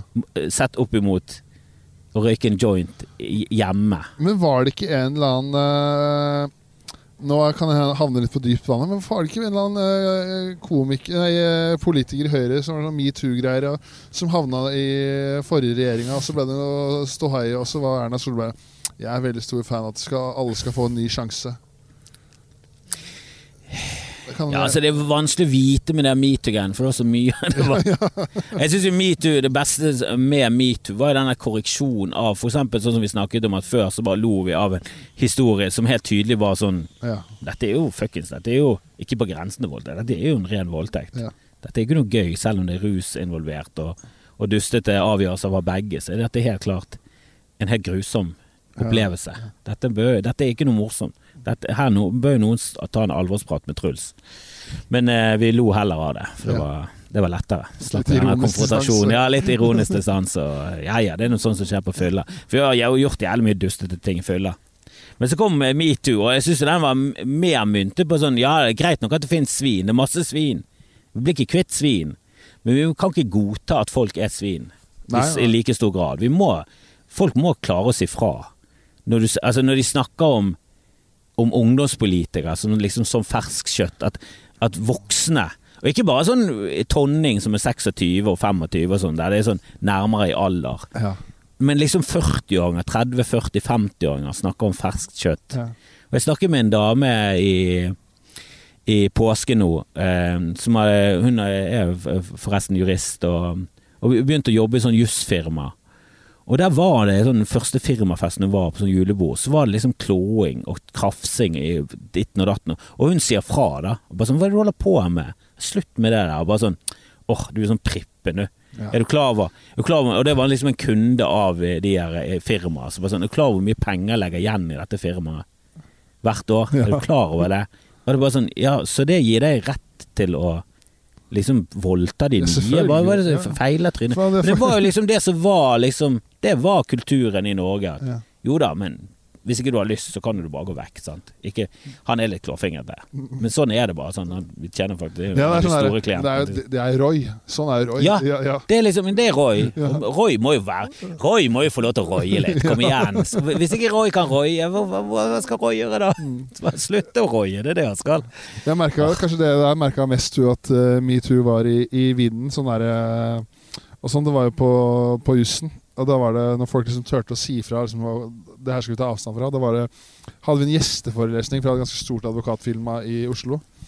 Og så var det da en av partnerne som var der, hadde, hadde med seg en nyutdanna, eh, veldig flott og pen jente. da og for å komme inn i disse auditoriene på Universitetet i Oslo, så er det sånne lysbryterknapper da, som dør, døråpnere. Ja. Og så, etter vi har hatt pause i forelesningen, så skal vi inn igjen. Og da er det hun, hun nye da, står og foreleser et eller annet. Og da er han fyren, da, partneren, trykker da på feil. Så han trykker da på slår av lyset. Så hun kommer litt ut av det, ikke sant. Og så slår han på lyset igjen, og så liksom lener han seg tilbake så Kom du ut der nå, jenta mi? og, da, liksom den, og da var det faen meg en Da er det kanskje 400 stykker i et auditorium. Og da er det en jente som rekker opp hånda etterpå når det er spørsmål. Og det første hun sier sånn Syns du det er greit at du kaller henne for jenta di? Og da var det bare sånn gjesp gjennom hele auditoriet. Og han begynte, nesten, han begynte å svette, ikke sant? for han skjønte jo at det var jo Men det, da er det synd, da, ikke sant? for da var det så det der rollefordelingen. For da begynte jo hun å forsvare han. Ja, vi har et sånn litt tullete forhold, vi, vet du. Så det, det går helt fint. Ja. ja, men altså, det er forskjell på tullete Tullete toner, det kan godt være at de har det. Det kan være at hun bare føler at Jesus, han er ikke en kjip fyr. Og, men, men det er sånn Ja, men de der tingene må ut. ja. Det der det er ekkelt. Jeg, det, det kjenner noen som er liksom på min alder og, og snakker om småpiker, og så snakker de om folk som er 25 og sånn, og da er det bare sånn øh. For det første å snakke om småpiker på den måten er jo Det er jo disgusting. Men at du også tiltaler 25 år gamle damer som småpiker, er også disgusting. Alt er disgusting. Slutt med det. Språk teller. Jeg er ikke noen sånn kanselleringsfyr, altså. Jeg syns det, det er gått for langt i den her eh, ja, det er for mange ute på, langt ute på, i Wokeland som er sånn det, Jeg tror det er bare ødelegger saken. Altså. Det går for langt. Jeg skal, det, det, det er ikke lov å diskutere ting lenger. Det irriterer meg. At det er sånn, ja, men Hvis en person syns det er problematisk at transpersoner er med i idrett, f.eks., at det er noen etiske greier der, og hvor går grensen, så, så er jeg fullt klar over at ja, jeg syns også det, det er vanskelig å navigere hva For du har jo en oppdeling mellom kvinner og menn i, i sport. Selvfølgelig. Og det hadde vært helt tåpelig å trodd at damer hadde hatt noe som en sjanse Ja. i noen sporter, kanskje utenom bilkjøring, der det faktisk er noen damer. Men veldig få, da. Jeg husker det, det er laget en film om en eller annen dame som kjørte sånn drag race. Og hun ble liksom den beste. Mm. Men hun, det ble laget en fuckings film om det. For Ja. det er så unikt. Mens i tennis og sånn, Serena Williams Ja, har du sett den uh, greia der? Nei. Det var uh, Det var en eller annen som uh, Serena Williams og Venus Williams, det er søstera. Det var et sånt greier om at uh, de var klar over at uh, At det var stor forskjell på menn og kvinner da, i tennis, altså pga. biologi. Så da satte de opp en sånn der match da eh, med en som var ranka som nummer 216 av menn i, i verden. Og han spilte da mot de rett etter hverandre. Og da var det 6-0 mot uh, Serena og 6-2 mot uh, Venus Williams. Ja. Og Serena er liksom Ja, om hun er den beste gjennom tidene, eller om hun er liksom oppe der. Hun er i hvert fall en av de beste og mestvinnende kvinnene. Og er jo enormt kraftig for å være dame. da ja. Hun har jo en enorm serve for den andre damen. Kvinnelig versjon av meg. ja, hun er, hun er en, det er jo det de kaller henne. Som en kvinnelig Espen Abrahamsen ja. med, med tennisracket. Det er jo det hun vanligvis blir omtalt som. Men det, altså, akkurat i den sporten så er det sånn Ja, men jeg foretrekker å se på kvinnetennis, for der er det i hvert fall litt spill. For er, menn er for høye, og de server som noen fuckings eh, gorillaer. Og det er jo bare sånn Og så er det eh, serves. Og det det, det, det, det, er jo spill i tennis er gøy, ikke servingen om du treffer ned i den kanten av hjørnet så går ballen forbi den motstander. Det er jo drittakjedelig. Ja, ja. Så akkurat der er det sånn Nei, jeg kan faktisk foretrekke å se en kvinnekamp. I hvert fall hvis jeg er litt sånn personlig investert. Og de er Serena Williams, så hadde du noen å heie på eller mot, og det var jo gøy, da. Men å tro at kvinner og menn er liksom fysisk i samme univers, er jo bare sånn Nei, det er vi ikke. Nei. Så da blir jo det litt feil hvis transpersoner finner ut eh, Eller kommer ut av skapet som vet du, jeg er kvinne, og nå eh, skal jeg gjennomgå operasjon og hele den greia der. Sånn, ja, men det blir jo et helt nytt sett med regler, og da må vi se på det. Og det går an å diskutere, og nå er det nesten sånn at hvis du ikke anerkjenner at alle som sier at de er kvinner, må få lov til å være kvinner i, liksom, i alle situasjoner, da er det sånn Ja, da er du en jævla nazist, da. Ja, det er, det er, det er godt sånn, Ja, men jeg ikke sett meg i samme bås som de som snakker om at eh, transpersoner ikke får lov til å bruke det og det toalettet, for de, de har jo skiftet kjønn for å voldta barn. Ja. Som en eller annen sånn ja, kanskje det har skjedd to ganger i løpet av de siste 20 årene. Ja. Men det er jo ikke en jævla fuckings ting som skjer ofte. Nei, nei. Og hvis menn har lyst til å voldta damer i en garderobe, så vet du hva de dørene er ganske lett å sparke opp. Altså. Ja, det er ikke der skoen trykker. Altså, hvis menn har lyst til å voldta damer, det er flere, flere, måter vi kan gjøre det på. Det skjer hele tiden. Og det er horribelt. Men det er ikke sleng inn transpersoner inn i den båsen av menn som skal voldta damer. Det, det har ingen tro på at det er en sånn reell fare. Nei, det bare, men det er bare sånn derre det eneste jeg tenker på, må være sånn som hun der eh, Lia Thomas, da, hun svømmeren. Ja. Som liksom da er 116 eller for noe for menn, og så hun, blir hun kommer ut som transperson, og da selvfølgelig knuser alle rekorder og vinner med tre runder på alle mesterskap. Og det var jævlig frustrerende for en, eh, en eh, kvinne, da, som har, eh, altså biologisk kvinne som har trent da hele livet, og alle de mulighetene man går glipp av. Det er jo snakk om mye økonomiske muligheter. Det er plass på ulike universiteter, utdannelse og liksom den biten der syns jeg er litt vanskelig å navigere. Ja, jeg syns i hvert fall ikke at den diskusjonen er liksom ferdig opplest og vedtatt. At sånn er det bare. Ja. At hvis du, hvis du, identifiserer deg som kvinne, da må du få lov til å stille opp i de klassene du har lyst til. For der er det også i UFC så har det vært noen eh, Det har vært noen kamper der som har vært sånn Ok, den ene personen sa ikke engang at den var en transperson, ja. og så ble det et masseslagsmål og Men det er jo sånn og så er, det, så er den andre leiren så er det sånn, Nei, jeg er ikke i nærheten av å være i den leiren. For jeg liker ikke de i det hele tatt. Og jeg syns de har mye mer med nazisme å gjøre enn en, en noen andre. Ja. Og, og, de tingene de Altså Hvis du går og ser på hva de deler, så kommer du nesten aldri mer enn én eller to kommentarer ned før du finner ut at det er fake. Det er ja. Så å si alt de deler, er jo fake. Og alle bildene de der altså, Så en som delte, delte et bilde, da var det et eller annet om eh, Det var en MMA-greie, og det hadde ført et, et kraniebrudd, og bla, bla, bla. Og så la de ut et bilde, så var det bare første var bare sånn Dette er ikke for den kampen. Dette er en annen kamp. Og faktisk så skjer kraniebrudd i UFC hele jævla tiden. Ja. For det Knekker du nesen, så blir det også definert som et kraniebrudd. Fordi at det er på et sånt Så det er bare, det er bare bullshit, bullshit, bullshit. da Og så kommer folk under og bare sånn hva hvis det er et fake bilde? Altså Sannheten er jo at det er en mann som står bare sånn det har jo mye å si, da. Innpakningen har jo jævlig mye å si. Sannheten har jo jævlig mye å si. Jeg skjønner at dere er i ekstrem leir der transpersoner ikke skal anerkjennes i det hele tatt. Men det har jo selvfølgelig noe å si. Ja. Men jeg skjønner jo poenget med at ja, det, det blir jo noe feil når, når, folk skifter kjønn, og så bare dominerer de en idrett og setter nye rekorder fordi at de har gjennomgått en mannlig pubertet og har større fysiske forutsetninger for å Det var han i, han i Canada Fordi i Canada så er det altså, Så da, da, trenger du ikke å ha Da kan du bare si at du identifiserer deg som kvinne. Så får du lov til å delta på ulike eh, mesterskap i Canada. Og da var det han, eh, han som var eh, mannlig vektløfter. Bare for å vise et poeng, da. Som nå, det er forrige uke eller noe sånt, som sa at han, som sa at han identifiserte seg som kvinne. Og han satte vel da canadisk rekord med 40 kilo, og selvfølgelig vant, da. Ja, det der minner litt om det der Church of Satan-greiene. Ja. Der de er sånn Nei, vi skal teste ut de der eh, religiøse reglene. Og, og liksom ta de til ytterpunktene, da. Og at hvis, for det der i USA så er det, det er separasjon mellom eh, kirke og stat. Det skal ikke være en sammenblanding der. Og så er jo det et jævla mismatch av eh, religion, og selvfølgelig, og nede i sørstatene så er det en jævla sammenblanding. Og så bare så for å sette det på spissen, så er det sånn Ja, de har fått lov til å sette opp en sånn ti bud-greie. Svært monument med de ti bud, og det er på et offentlig sted. Og det hører ikke hjemme her. Det er en separasjon. Og hvis de har lov, da har vi også lyst til. Altså bare hva er det dere skal sette opp? Nei, vi skal sette opp en Beelzebub-statue. Med en geit med horn og tveskjønnhet med pupper, og så skal to barn stå der og tilbe. Og de de har laget denne jævla statuen nå, og, og i bronse og alt. Og folk er jo bare helt sånn Ja, vi kan jo ikke ha en satan Dette er også en religion, og vi, har, vi er definert som en religion. Vi må også få våre religion. Og da blir de helt satt ut. Og det er bare sånn Ja, men de tester reglene. Ja.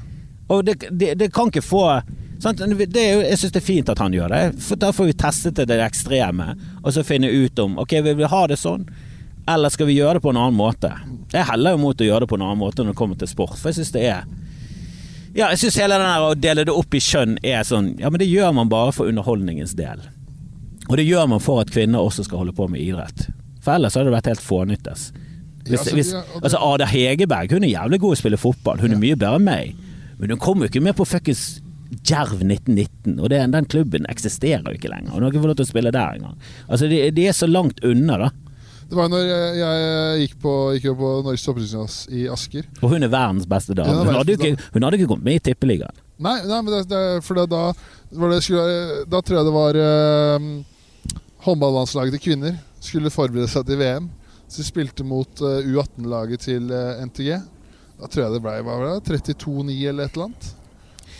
Det er noen helt sånn Altså det er jo helt sånn tydelig, og det, jeg har prøvd å skrive noe greier på det der, for jeg syns det er litt morsomt, for det, jeg er jo så jævla svak som mann. Så det er bare sånn Nesten Cecilie Brekkhus. Hvis jeg hadde slåss mot henne, Jeg har banka dritten ut av meg. så hadde jo hun sannsynligvis kanskje drept meg. Ja. Altså, jeg tror ikke jeg hadde tålt henne på det beste. Og hun er jo en ganske hun er en ganske sped, liten dame, egentlig. da Ja. hun, er, hun er jo ikke i tungvekstklassen. Men hun hadde sannsynligvis i hvert fall skadet meg jævlig. da Og altså I beste fall hjernerystelse. Men jeg hadde jo tapt den kampen ti av ti ganger. Aldri. Ja. Hadde aldri hatt sjans. Men det fins jo sikkert f- 44 millioner menn som hadde grisebanket henne lett. Og flere av de driver ikke med boksing engang. Altså det, det, er sånn, det er så stor forskjell mellom kjønnene på den måten. Altså det er jo stor forskjell mellom meg og andre menn. Det er jo sånn ikke Det er, jo, det er nesten som at jeg skulle krevd å være med i NBA. Jeg har også lyst. Hvor, hvor den hvite, tjukke, skallete mannen? Hvorfor får ikke han lov til å spille med disse gutta her? Sånn, fordi du er i et annet univers. Hadde vi dratt Espen Abrahamsen ut i høyderetningen, så hadde han kanskje hatt noe her å gjøre. Det er rart, du, det er rart å tenke på det liksom, når du ser på sånn LeBron, da, for eksempel. Eh, LeBron James. Så tenker du altså, At vi er samme. Ja, vi er samme som altså. At vi er samme rase, liksom. Ja. For det er jo en sånn ting med det rasegreiene. Sånn, ja, men vi er ikke samme Homo sapiens er rasen vår. Alle vi er Homo sapiens. Det er det vi er. Det var andre raser, og vet du hva vi gjorde med de? Vi voldtok og drepte de. Så nå fins ikke de lenger. Neandertaler, det var en annen rase. Ja. Og de, eh, de floppet. det, var bare, ja, det leste jeg i sånn bok, at det, var jo, det fantes jo masse mennesketyper. Alle er jo utryddet. Her snakker vi ekte holocaust. Ja. Altså til, til beinet, til bønnen. De tok alle. De skrapte bønnen og bare kastet hver alle. Så nå er, vi, nå er det kun én rase igjen. Og det er jo jævlig fascinerende hvor utrolig stor forskjell det er på mennesker, altså. Ja, ja, Det må jo være det dyret som har mest Mest, ja. ekstremiteter. ja. For det, i all annen natur så blir jo ting bare hakket vekk. Hvis ikke du klarer å holde eh, tritt, så bare Ja, da passer du ikke inn i formen, da. Vi gidder ikke å ha det med oss. Vi er en flokk, og vi skal se like ut, og vi skal kunne de samme tingene. Og de svakeste av oss dør konstant hele tiden. Det er bare sånn der, Jeg så en eh, dokumentar på Animal Planet om at det var noe eh, Før at det var en del eh, løver som var født som var hvite. Hvite løver. Ja. Men de blir jo drept med en gang av enten jegere eller at de ikke får tak i mat, for de blir jo altså, de- skiller seg ut De flopper jo helt. altså, de De står og gjemmer seg i det. Faen, jeg ser deg på to mils Ja, de står og gjemmer seg i det gule gresset. Ja. Skinn, altså. Ja. Som en varseltrekant. Ja, og løver eh, jakter ofte på natten og sånn òg. Ja.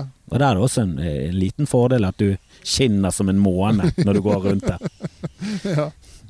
Ja, dyrerik er jo brutalt, og du ser jo jævla stusslige vi er i forhold til andre dyr. Sånn på babyfronten og sånn. Det er bare sånn altså, Jeg så nettopp den Chris Rock-specialen om igjen nå, og han har jo det at Faen, forhold til andre dyr Altså, andre dyr er liksom to-tre dager. Vi er liksom 18 år før vi er levedyktige ute i samfunnet. Vi så, og gjerne lenger òg. Altså, vi er så udugelige. Og vi blir jo født for tidlig fordi vi har for store hoder. Så naturen fant bare ut at jeg kan ikke ligge lenge nok i magen. Så når vi blir født, så er vi helt Altså Alle andre pattedyr er de oppe og går. ja. Ganske så fort. Altså kyr og sånn. Det er jo liksom Men det er en god halvtime, det er det ikke? Jo, de ligger litt i den her kaken sin, og så blir de slikket litt på. Og så er det liksom sånn Du, nå må du komme opp, og ser du liksom litt så halvt, så er det sånn ah, fuck da. Fikk vi det ikke til, da. da. Ja, da får du leve ditt eget liv. Da får du bli kjøttdeig rimelig ja, kjapt. ja, heller. Helvete Det er mange som skal være glad de ikke er hest. Ja, det har jeg også lyst til å skrive om. Altså At vi er så jævlig motvillige til å drepe andre mennesker, selv om de vil det. Det er liksom Aktiv dødshjelp er Og jeg ser ingen annen grunn til det enn at det er denne legeeden, som er at vi skal liksom prøve i det lengste å holde på. Men altså, jeg tror det er sånn 80 av hele helsevesenet går til Altså ressursene går til å bare holde folk i live. Ja. Som sånn strengt talt Sånn fra naturens side, på sånn, ja, lenge siden. Men sånn etisk også er sånn ja, men vi, vi, vi har begynt å dra det litt langt, da. Ja. Og det er også en sånn diskusjon som jeg mener bør tas. Jeg synes Mange av de er i diskusjonen som er sånn Ja, men vi bør kunne diskutere om hva er, hva er tankegangen bak det der at døds, aktiv dødshjelp er så jævla forbudt og farlig. Når det er sånn Ja, men han vil dø. De rundt han vil at han skal dø. De vil at han skal få en verdig avslutning. Hva er det som stopper oss fra å sette en en human sprøyte og bare ende hele greiene? Fordi jeg, jobber, jeg har jobba på lukka Hva er det for noe? Lukka avdel, eller, på demenshjem på lukka avdeling. Og da er det noen skjebner der som bare Jeg skulle ønske jeg kunne sett en giftsprøyte. Ja, for hvis det er sånn at det, det er ingen kommunikasjon Det med er- andre Det er bare eh, der og blir skifta bleie på. Ja, og så er det innimellom så er det noen sånn øyeblikk der de liksom kvikner litt til, men der er det nesten så de er sånn Altså kjemperedd, for de er utrolig forvirret hele tiden. Ja. De skjønner ingenting, de henger ikke med. Eh, de kjenner jo ikke igjen folk, så det er jo nesten så de Det er jo nesten som å våkne opp i en film. Og så våkner du opp i et sånt rom, og så er du inne i et sånn i det du vet sånne kubefilm, Ja, sånne psycho-greier, sånne helt sånn urealistisk, men det er litt sånn gøy Ja. å se på. Det er jo nesten som å, å, å oppleve det til stadighet, da. Og resten av eh, eksistensen din, så er, får du ikke med deg en drit. Nei. Bare, bare innimellom så våkner du opp i en kubefilm og er livredd, og så går du inn igjen i sånn katatonisk Ja. Nei, det er bare sånn Altså, det er jo bare Det er den der legeeden, og så er det religiøsitet, da. Ja. Det er på grunn av at i Bibelen så står det at du skal ikke slå i hjel, og du skal, du skal ikke Det skal være opp til Gud, da. Ja.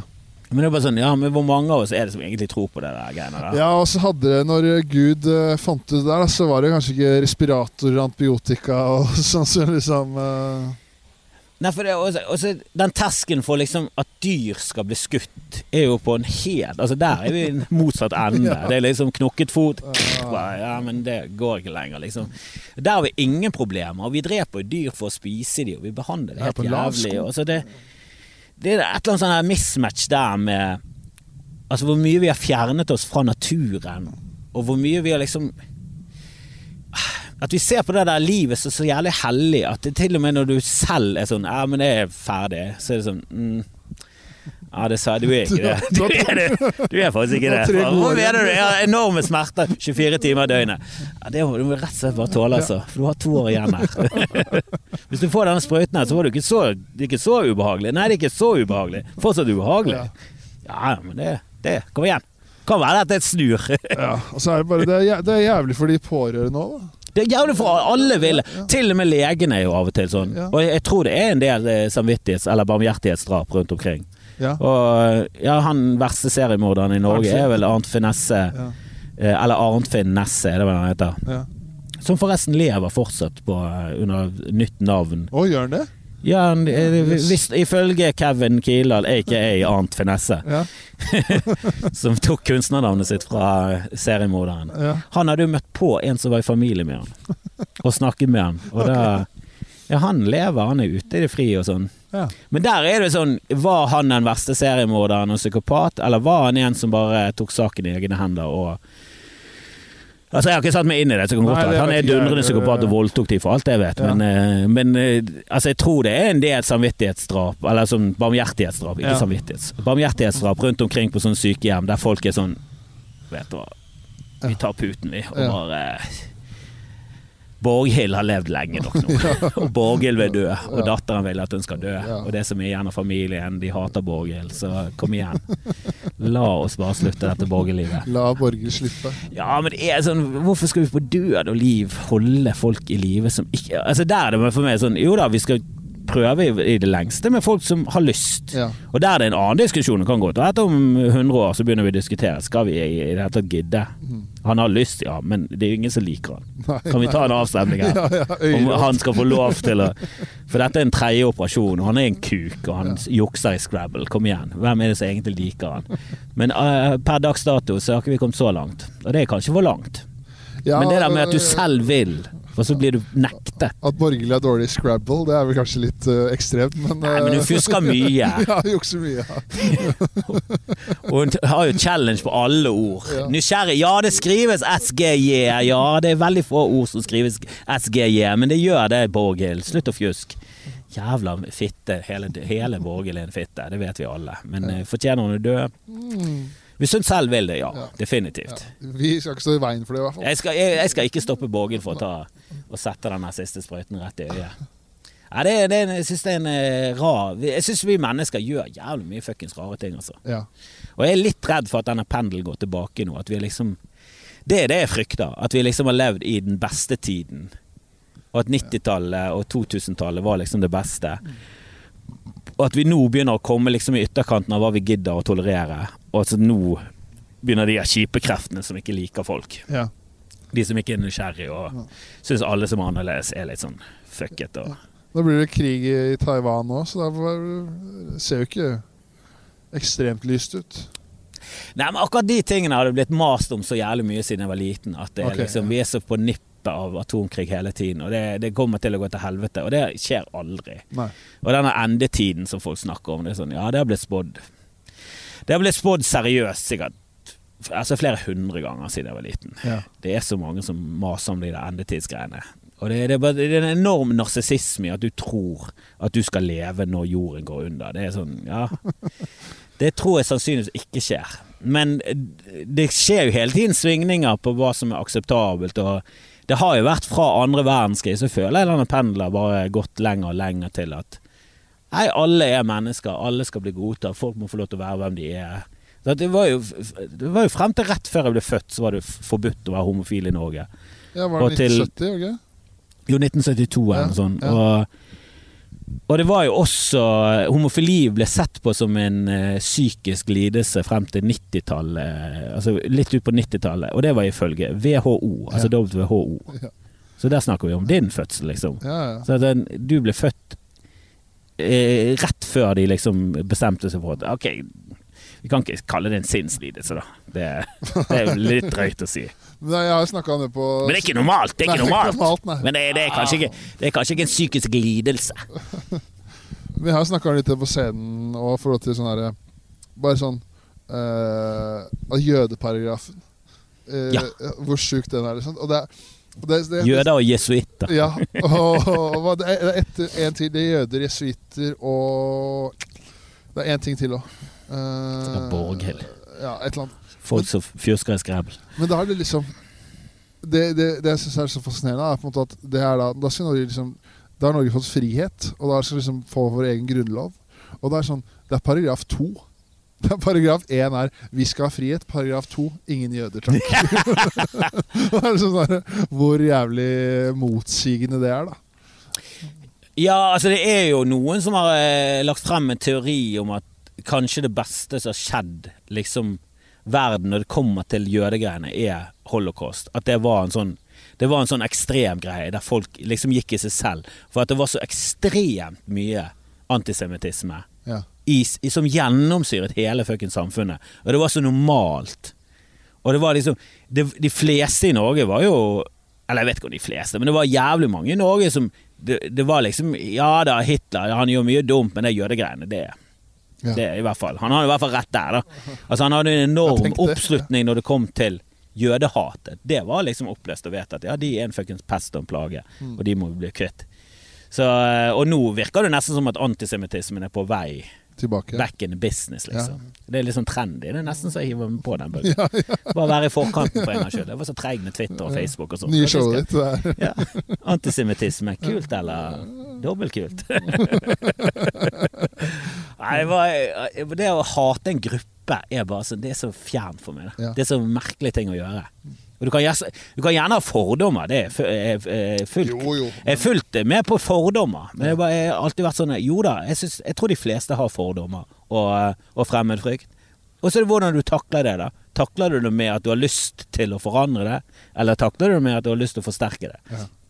For jeg tenker alltid at det er på meg, det er min feil at jeg eh, frykter noe som er fremmed. Da går det på meg. Da må jeg prøve å da må jeg prøve å bli bedre menneske. Jeg må prøve å være nysgjerrig. Jeg er veldig skeptisk til det nå, men ja.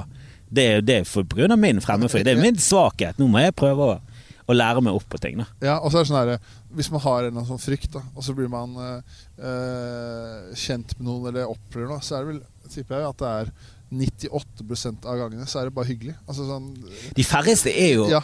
Altså, det, det, virker så jævlig mange er assholes. Det er altfor mange assholes der ute. For jeg syns det bare virker så jævlig unødvendig at noen skal være asshole.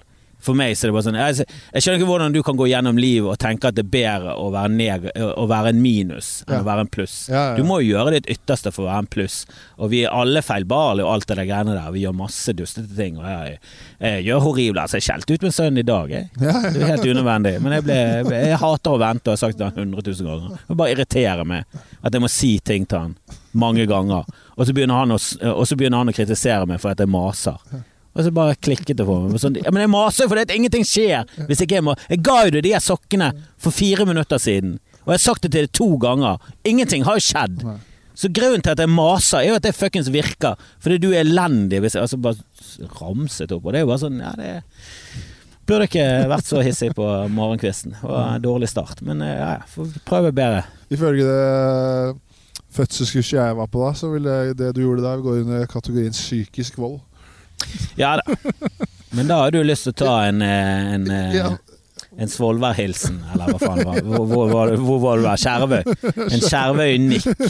Og bare si 'god dag, frøken horetryne'. Ja, når, når folk er sånn Ja, men det er det samme som Finnmarkspolitiet, men sånn du og visefingeren er faktisk en voldshandling. Der det er bare mm, Nei, det er det ikke. Det er absolutt ikke. Det er det absolutt ikke. Eh, og vet du hvorfor det, vi vet det? Fordi det gjør ikke vondt. I, i noe annet enn din sårhet. Ja.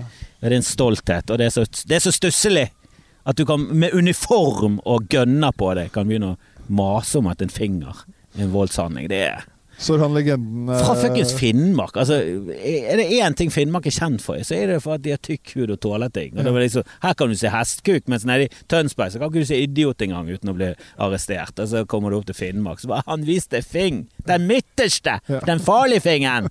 Vondefingeren! Voldsfingeren! Voldsfingeren, ja. ja. Helvete Da vil må du gå i deg sjøl. Og ja, jeg bommet sikkert på den nordlandsdialekten. Jeg er fullt klar over det. Du hører faktisk når folk er fra Finnmark. De har en veldig rar måte å snakke på. Ja. Men så du han derre legenden også som veiva med kniven, da? Var det han som ble skutt nå nylig? Ja, var vel Nei, han ble tatt med på hund, gjorde han det? Ja, i Ja. går eller hva faen, eh, dagen før der, eller hva faen det var. Sto og veiva med kjøkkenkniven, og politiet politi står rundt den med Jeg vet ikke om det var gønnere eller om det var elektri... Eller hva heter det for noe? Elektropistoler eller hva det er. Ja, men altså Det er litt gøy når du ser liksom fra, fra USA, så er det folk som ikke har på seg våpen og går vekk fra politiet. De blir skutt i ryggen. Ja. Og så ser du fra andre steder, sånn i, i Storbritannia har jo ikke de generell bevæpning. Og der er det folk som står og veiver en øks, og så står bare politiet der. Og bare venter han ut, og så taser de han kanskje. Ja. Eller kroppstakler han. Men det er jo sånn Det må jo være en greie der at hvis du har lyst til å være politi, så er det med livet som innsats. Det er liksom Det er Der ligger terskelen for å være politi. Det må være Det må du være villig til. Ja. For det er liksom Ja, du skal være der og korrigere ting som er feil i samfunnet, og noen av de tingene er jo vold. Så det må du være villig til. Mm. Det må ikke være sånn at politiet er sånn du, Hvis vi anser en, en, en situasjon som farlig, så går ikke vi inn der. Det har jo vært en, så var noen som reddet noen i påsken. Ja. Og der politiet hadde vært sånn Ja, men vi sammen med redningssentralen, vi fant ut at uh, det var farlig. Ja, ja, ja. Så Ja, men- vi, vi kan ikke sette oss selv i livsfare. Så sånn, det er vel ikke det Jobbeskrivelsen, da. Ja, jeg trodde det var jobbeskrivelsen. Ja. Hvis ikke det er jobbeskrivelsen, så må vi finne på noe nytt, da. Ja. Ekstrapoliti eller noe sånt. Vi må ha noen som er villig til å Spesialenheten, eller uh, Ja, for de som reddet han fyren, var sånn Ja, vi, ans vi er erfarne fjellfolk, og vi anser situasjonen som ikke farlig, så vi bare reddet han, vi. Ja. Det er jo det samme som Utøya. Utøya. Ja. Politiet står på land og bare sånn Du, vi har ikke fått instrukser, så vi kan ikke gjøre noe. Men hva skjer? Får du sparken hvis du, hvis du redder livene til de ungdommene? Var, det det? var du redd for jobben? ja. Hvis det er livet ditt du er redd for, så er det litt sånn Det var heldigvis en legende for campingplassen der med båt, da, som fikk skupa opp noe Ja, ja. Ja. Der var det bare sånn Ja, men det er folk i nød. Ja. Vi må jo redde Ja, dem. selvfølgelig. Ja. Og når de står der med uniform og får betaling for å være helter, Ja. Så er det litt, eh, er litt stusslig at jeg ikke har et modig bein i kroppen. Da. Men altså, det er jo For meg så var det bare sånn Jeg skjønner ikke hva som appellerer med å være politi. Det virker som en forferdelig ikke jeg. horribel jobb å ha. Det er utrolig vanskelig. Utakknemlig. Jævlig vanskelig. Ja. Og det er bare så synd at hele kulturen er sånn gjennomsyret av feile verdier, og de har feile insentiver for å gjøre ting. Da. For det burde vært sånn Det burde vært noe vi etterstrebet i samfunnet. Å ha liksom Å liksom saumfare samfunnet for bra folk som kan være politiet. Folk som er modige Ja. og har gode verdier. Og liksom og liksom har lyst til å kjempe for de svake og liksom stå opp mot urett. Og så er det bare går du etter de sømmene så bare sånn Å, du bare liker action, du. ja. Du kunne like godt bare vært For full bevæpning. Ja, og du kunne bare vært en sånn voldskriminell, du, men heldigvis har du tatt de rette valgene, så du endte opp med en utdannelse som gjør at du kan gjøre dette lovlig. Det er ja. sånn ur Da faen om det er det politiet har lyst til. Ja. Sånn her eh, trigger-happy psycho-folk som liker å, å buste inn dører, for da, var da er det litt action på jobben. Det var sånn ur, Jesus Christ. Men det er jo dessverre de som tiltrekkes det yrket, da. Ja, det, ja, det er jo I stor grad. Det er jo ikke alle, da, men jævlig mange gjør det, da. Det er mange sånn hva- Ishockeyfolk. Ja, ishockeyfolk. Ja. Jeg har jævlig rekruttering fra hockeyfolket.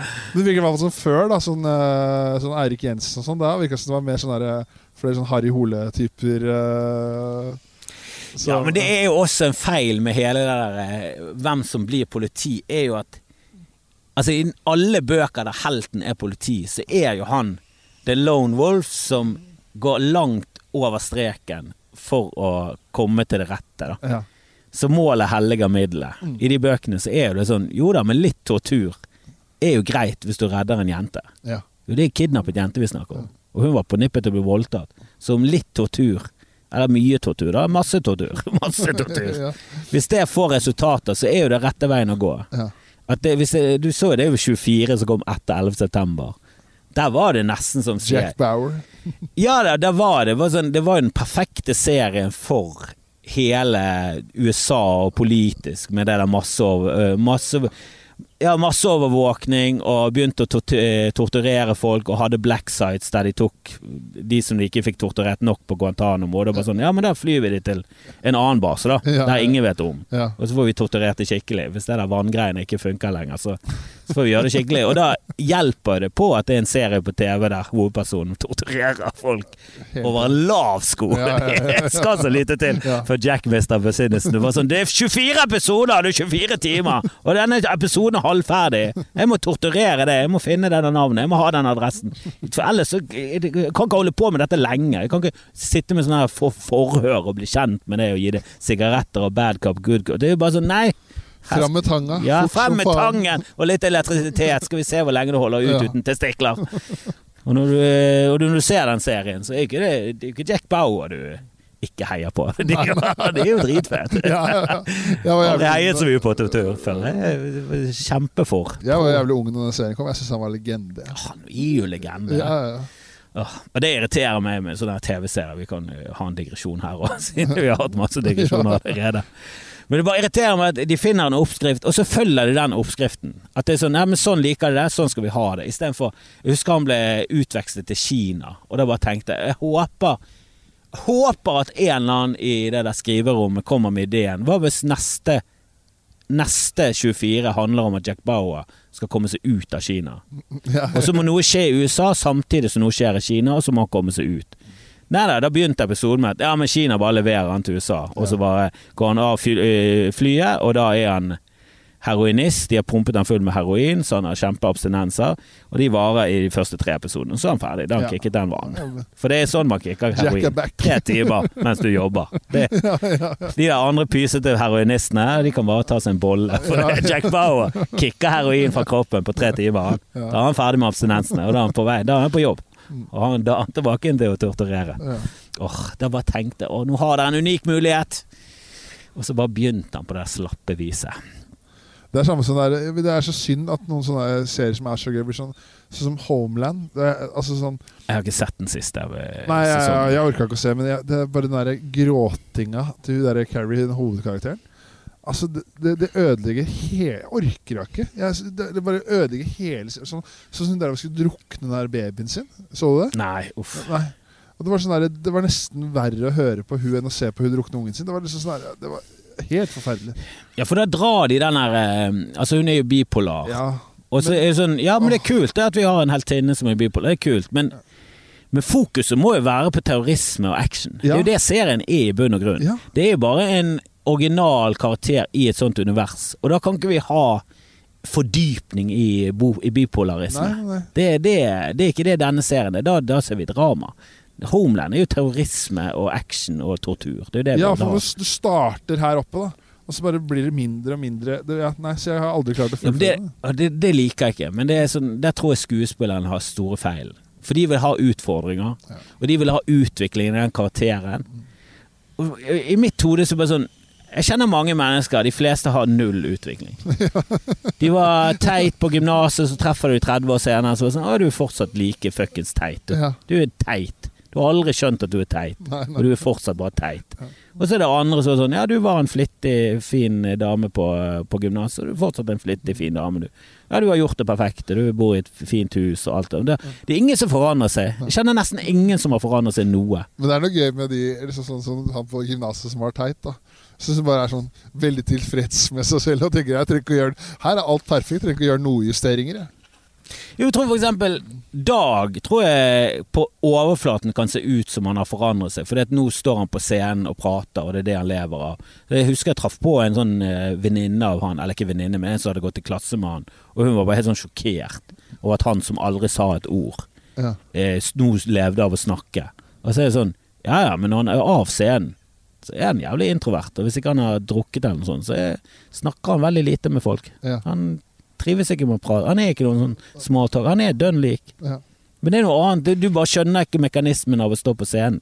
Nei. Det er en falsk setting. Mm. Og du kan bli trygg i den falske settingen, men den er jo tilrettelagt for at du skal få lov til å dele dine tanker uten påvirkning fra andre. Ja. Det eneste du skal få igjen der, er jo latter og sånn. Det er derfor vi hater folk som snakker til deg plutselig på scenen. ja det, en, det skal være en monolog der. Ja, det er monolog. Det er skrevet som en monolog. Og hvis jeg spør dere om noe, så er det veldig sjelden jeg vil ha svar. Ja. Hvis jeg spør sånn Ja, har dere sett Homeland? Ja, for i Home, Da skal jeg bare snakke om Homeland. Det er bare min måte å si jeg har sett Homeland. De fleste der har sett Homeland. Nå snakker vi om Homeland. Ja, ja, Jeg skal ikke ha noen konsensus der om hvem som har sett, og så skal vi snakke om Homeland. Det er, jeg skal bare videre og irritere meg over at hun er bipolar, og at vi fokuserer på det Ja. istedenfor på tortur. Ja, ja, ja, tortur. For det er sjokkerende, for jeg får litt sånne der antydninger til uh, sosial angst hvis det er masse mennesker jeg ikke kjenner. Og jeg liksom har ingen sånne trygge punkter. Ja, uff, jeg Ja. hater det. Og det er veldig fascinerende for folk som Ja, men du står jo på scenen foran eh, masse folk du ikke kjenner. Sånn, det, det er jo helt annerledes. Jeg syns faktisk det er verre hvis jeg kjenner noen, og så er de opptatt, og så er, blir jeg strandet. Ja, sånn ja, For det, Hvis det er en setting der jeg er helt fremmed og ingen kjenner meg, og jeg må forholde meg til noen, så er det sånn Ja, men da går jeg bare inn i den modusen at jeg snakker småtalker og fjaser og Så Det er jo sånn typisk du kommer på jobb, og så sånn Ja, du skal gjøre ditt og datt, og så hilser du på noen og sånn. Der, Der er det også en sånn falsk situasjon. Hvis jeg er på en fest, og jeg er med damen, og hun kjenner veldig mange der, og jeg kjenner ingen, og hun blir stående og snakke med en eller annen venninne, og så kjenner jeg ingen ingen, og bare blir stående der, da er jeg sånn åh, jeg har lyst til å dø. Ja. Bare sånn Kan vi, kan vi ta en Borghild på meg nå? Bare med én jævla gang. Jeg orker ikke dette. Hadde, det var jo i, det var, det var i sommer var jeg et bryllup til en venninne av uh, samboeren min. Og da, da, tror jeg Det er eneste gang jeg tenker sånn her Får jeg panikkanfall nå? For da var det Da var det sånn folk Da var det sånn dresskode da, som ikke jeg hadde fått med meg. Ja, Så må skille det ut i tillegg til å skille deg ut. Ja, sto jeg der som en idiot da og ikke hadde noe holdepunkter, kjente ikke en kjeft. da Og alle ser rart på deg, for du er en som har misforstått hva du skal ha på deg. Og det var helt for jævlig. Men ble du ikke sur på din samboer, da? Det er jo på henne at du ikke har fått det med deg. Ja, det jeg burde jo tydd til vold der. Ja. Men det er jo dessverre frowned upon for tiden. Så. er ikke det lov heller nå. Jo, men det er jo der folk vil tilbake. Ja, ja. De som er sånn Ja, jeg støtter ikke det ABB gjorde på den øyen, men han hadde et par bra poenger, da. Hadde han det? Kvinner hører hjemme på kjøkkenet, og, og eh, Arbeiderpartiet har solgt Norge til muslimer. Det er bare, jeg, skjønner, jeg skjønner ikke den planen i det hele tatt. Jeg skjønner ikke hva de tenker har skjedd. Da må du se det hvite, en serie som heter hvite sinn som ligger på TV 2 nå, som handler om høyreekstremisme i Norge. Og da er han som lager serien, er Tommy Gulliksen. Og han eh, er intervjuer f.eks. han Vigrid-lederen, han Tvedt. Ja. Han er den eneste medlemmen som er igjen i Vigrid. Han sitter ute i skauen der og snakker om at alle statsministre siden ja, et eller annet i krigen da er landsforrædere og burde henges på greiner i skauen. Så det er sånn, Hvilken virkelighetsoppfatning er det du har? Du er jo helt sjuk i huet. Ja, det er sånn, det, da, da vet du at for, Når folk begynner å snakke om landssvik, da vet du at å, ja, da, da er det ingen vei tilbake. Da er du for radikalisert. Da. Ja. Hvis du snakker om Landsvik, så er du liksom bare, ja, da er du bare den hvite versjonen av IS. Da. da er du bare helt ute å kjøre. Ja. Jeg er enig med at Støre irriterer meg. Ja. Jeg, jeg, jeg irriterer meg grønn over hele fyren. Jeg syns det er helt tåpelig at Arbeiderpartiet har valgt en, en leder som er styrtrik, Ja. og opptrer som om han er styrtrik. Ja, For han er ikke noen sånn gutter på gulvet-fyr, og så Nei, finner du ut at å ja, han penger, det kan ikke du se i det hele tatt. Nei. Han er jo liksom Og så er han sånn fyr som later som han er en av gutta. Så det var sånn ja, du- Det var sånn stygge hjemme hos-reportasjen han. Så var liksom- Jegermeister. Ja, ja, ja. Så så du sånn der, en Jegermeister eh, på benken der. Og sånn, han har da aldri drikk i det, han. Han drikker Barolo og spiser hummer, han. Man er så dårlig på sånne ting. Altså Det påskebildet, som er greit nok, noen gikk litt for langt i kritikken, men samtidig Det er jo et eller annet komisk og helt håpløst med en fyr som liksom skal vise hvordan nordmenn har det i påskeferien, og så har han lagt en skinnfell på en sånn stein, og så ligger han ute i snøen. Ja. Og ingenting er som å legge seg på skinnfell. Det var ingen har med seg skinnfell på tur, Jonas Gahr. De eneste som har med det, er jo rike folk. Normale folk har kanskje et sitteunderlag, hvis vi har husket det. Men ingen som har med seg en skinnfelle ut på tur. Det er ikke en normal ting å ligge på en skinnfell på, på, høyfjellet. Du er så virkelighetsfjern. Du er så Han bor jo på, han sitter og koser seg på en villa på Vinneren, gjør han ikke? Bare- Jo da, det er sånn, ja, du skal ikke holde det mot han at han er født rik. Nei, men du skal jo heller ikke bli leder for et parti som skal stå for arbeiderklasseverdier. Ja. Det er jo der feilen er, at dere ikke skjønner at det PR-messig er en jævla katastrofe. Ja. Det er jo liksom ille nok med Jens Stoltenberg, som kommer fra gode kår, men han, han, fall, han kommer liksom fra arbeiderpolitikergreien og sånt. Men det syns jeg også er nepotisme og alt det der. Det, ja, det er feil, det òg. Men helvete, det kan jo ikke gå fra han til enda verre. Nei. Da må vi prøve å finne Ikke det ene, det er er sånn Jo, men det er Trond Giske, og han er jo en kuk. Ja, vet det. Men det sier jo mye om Og så er det Hadia Tajik, og så hun er også en jævla fitte. Helvete. Men Det de sier så mye om jo. Jonas Gahr Støre når folk er sånn Vi savner Giske. Jo, men det var liksom Det var Giske, han var kronprinsen, og kronprinsessen var Hadia Tajik. Ja. Og begge to har jo bare gått på to enorme smeller som er vanskelig å komme tilbake fra. Ja. Men jeg, liker faktisk hun der eh, siste, hun som kommer sannsynligvis til å bli neste nå. Hun er Brenna. ja. For hun hørte på en podkast, og hun var jeg negativ til, fordi hun var, uten, nei, hun var utdanningsminister, så har ikke hun utdannelse. Nei. Og så skrev jeg det på Twitter. Bare sånn, er det fucking sa- Har vi en utdanningsminister som ikke har utdannelse? Bare sånn, hun har utdannelse, kom det som eh, Arbeiderpartifolk inn. Hun har utdannelse, hva er det du mener? Har hun utdannelse? Ikke, det står her at hun ikke har gått på universitetet. Ja, hun er videregående. Ja. Så sånn, Det sier bare om hvor jævlig virkelighetsfjern dere er. da. At dere lever inni den politikerboblen der det er bra nok. Der liksom Ute i det store samfunn så er det bra nok. Så. Nei, det er ikke det. Nei. Til og med i en fuckings landbrukskommune, så det er ingen som ser på videregående som en utdannelse. Du må i hvert fall ta agronom. Altså du må, da må du gå på sveiserlinjen. Ja, ja. det er en utdannelse. Ja. Og hvis du ser ned på det som en ikke-utdannelse, så det, da skjønner jeg at nei, det er jo feil. Men det er ikke høyere utdannelse. Det er det ikke. Og jeg krever av en utdanningsminister i Norge at det må være mulig å finne en med høyere utdannelse. lege, men uh, i hvert må- fall bachelorgrad. da. Ja, jeg syns i hvert fall det hadde vært greit. da Ja. det, det kan ikke være en umulig ministerpost å finne en som har kvalifikasjoner utover det å bare være politiker. Nei.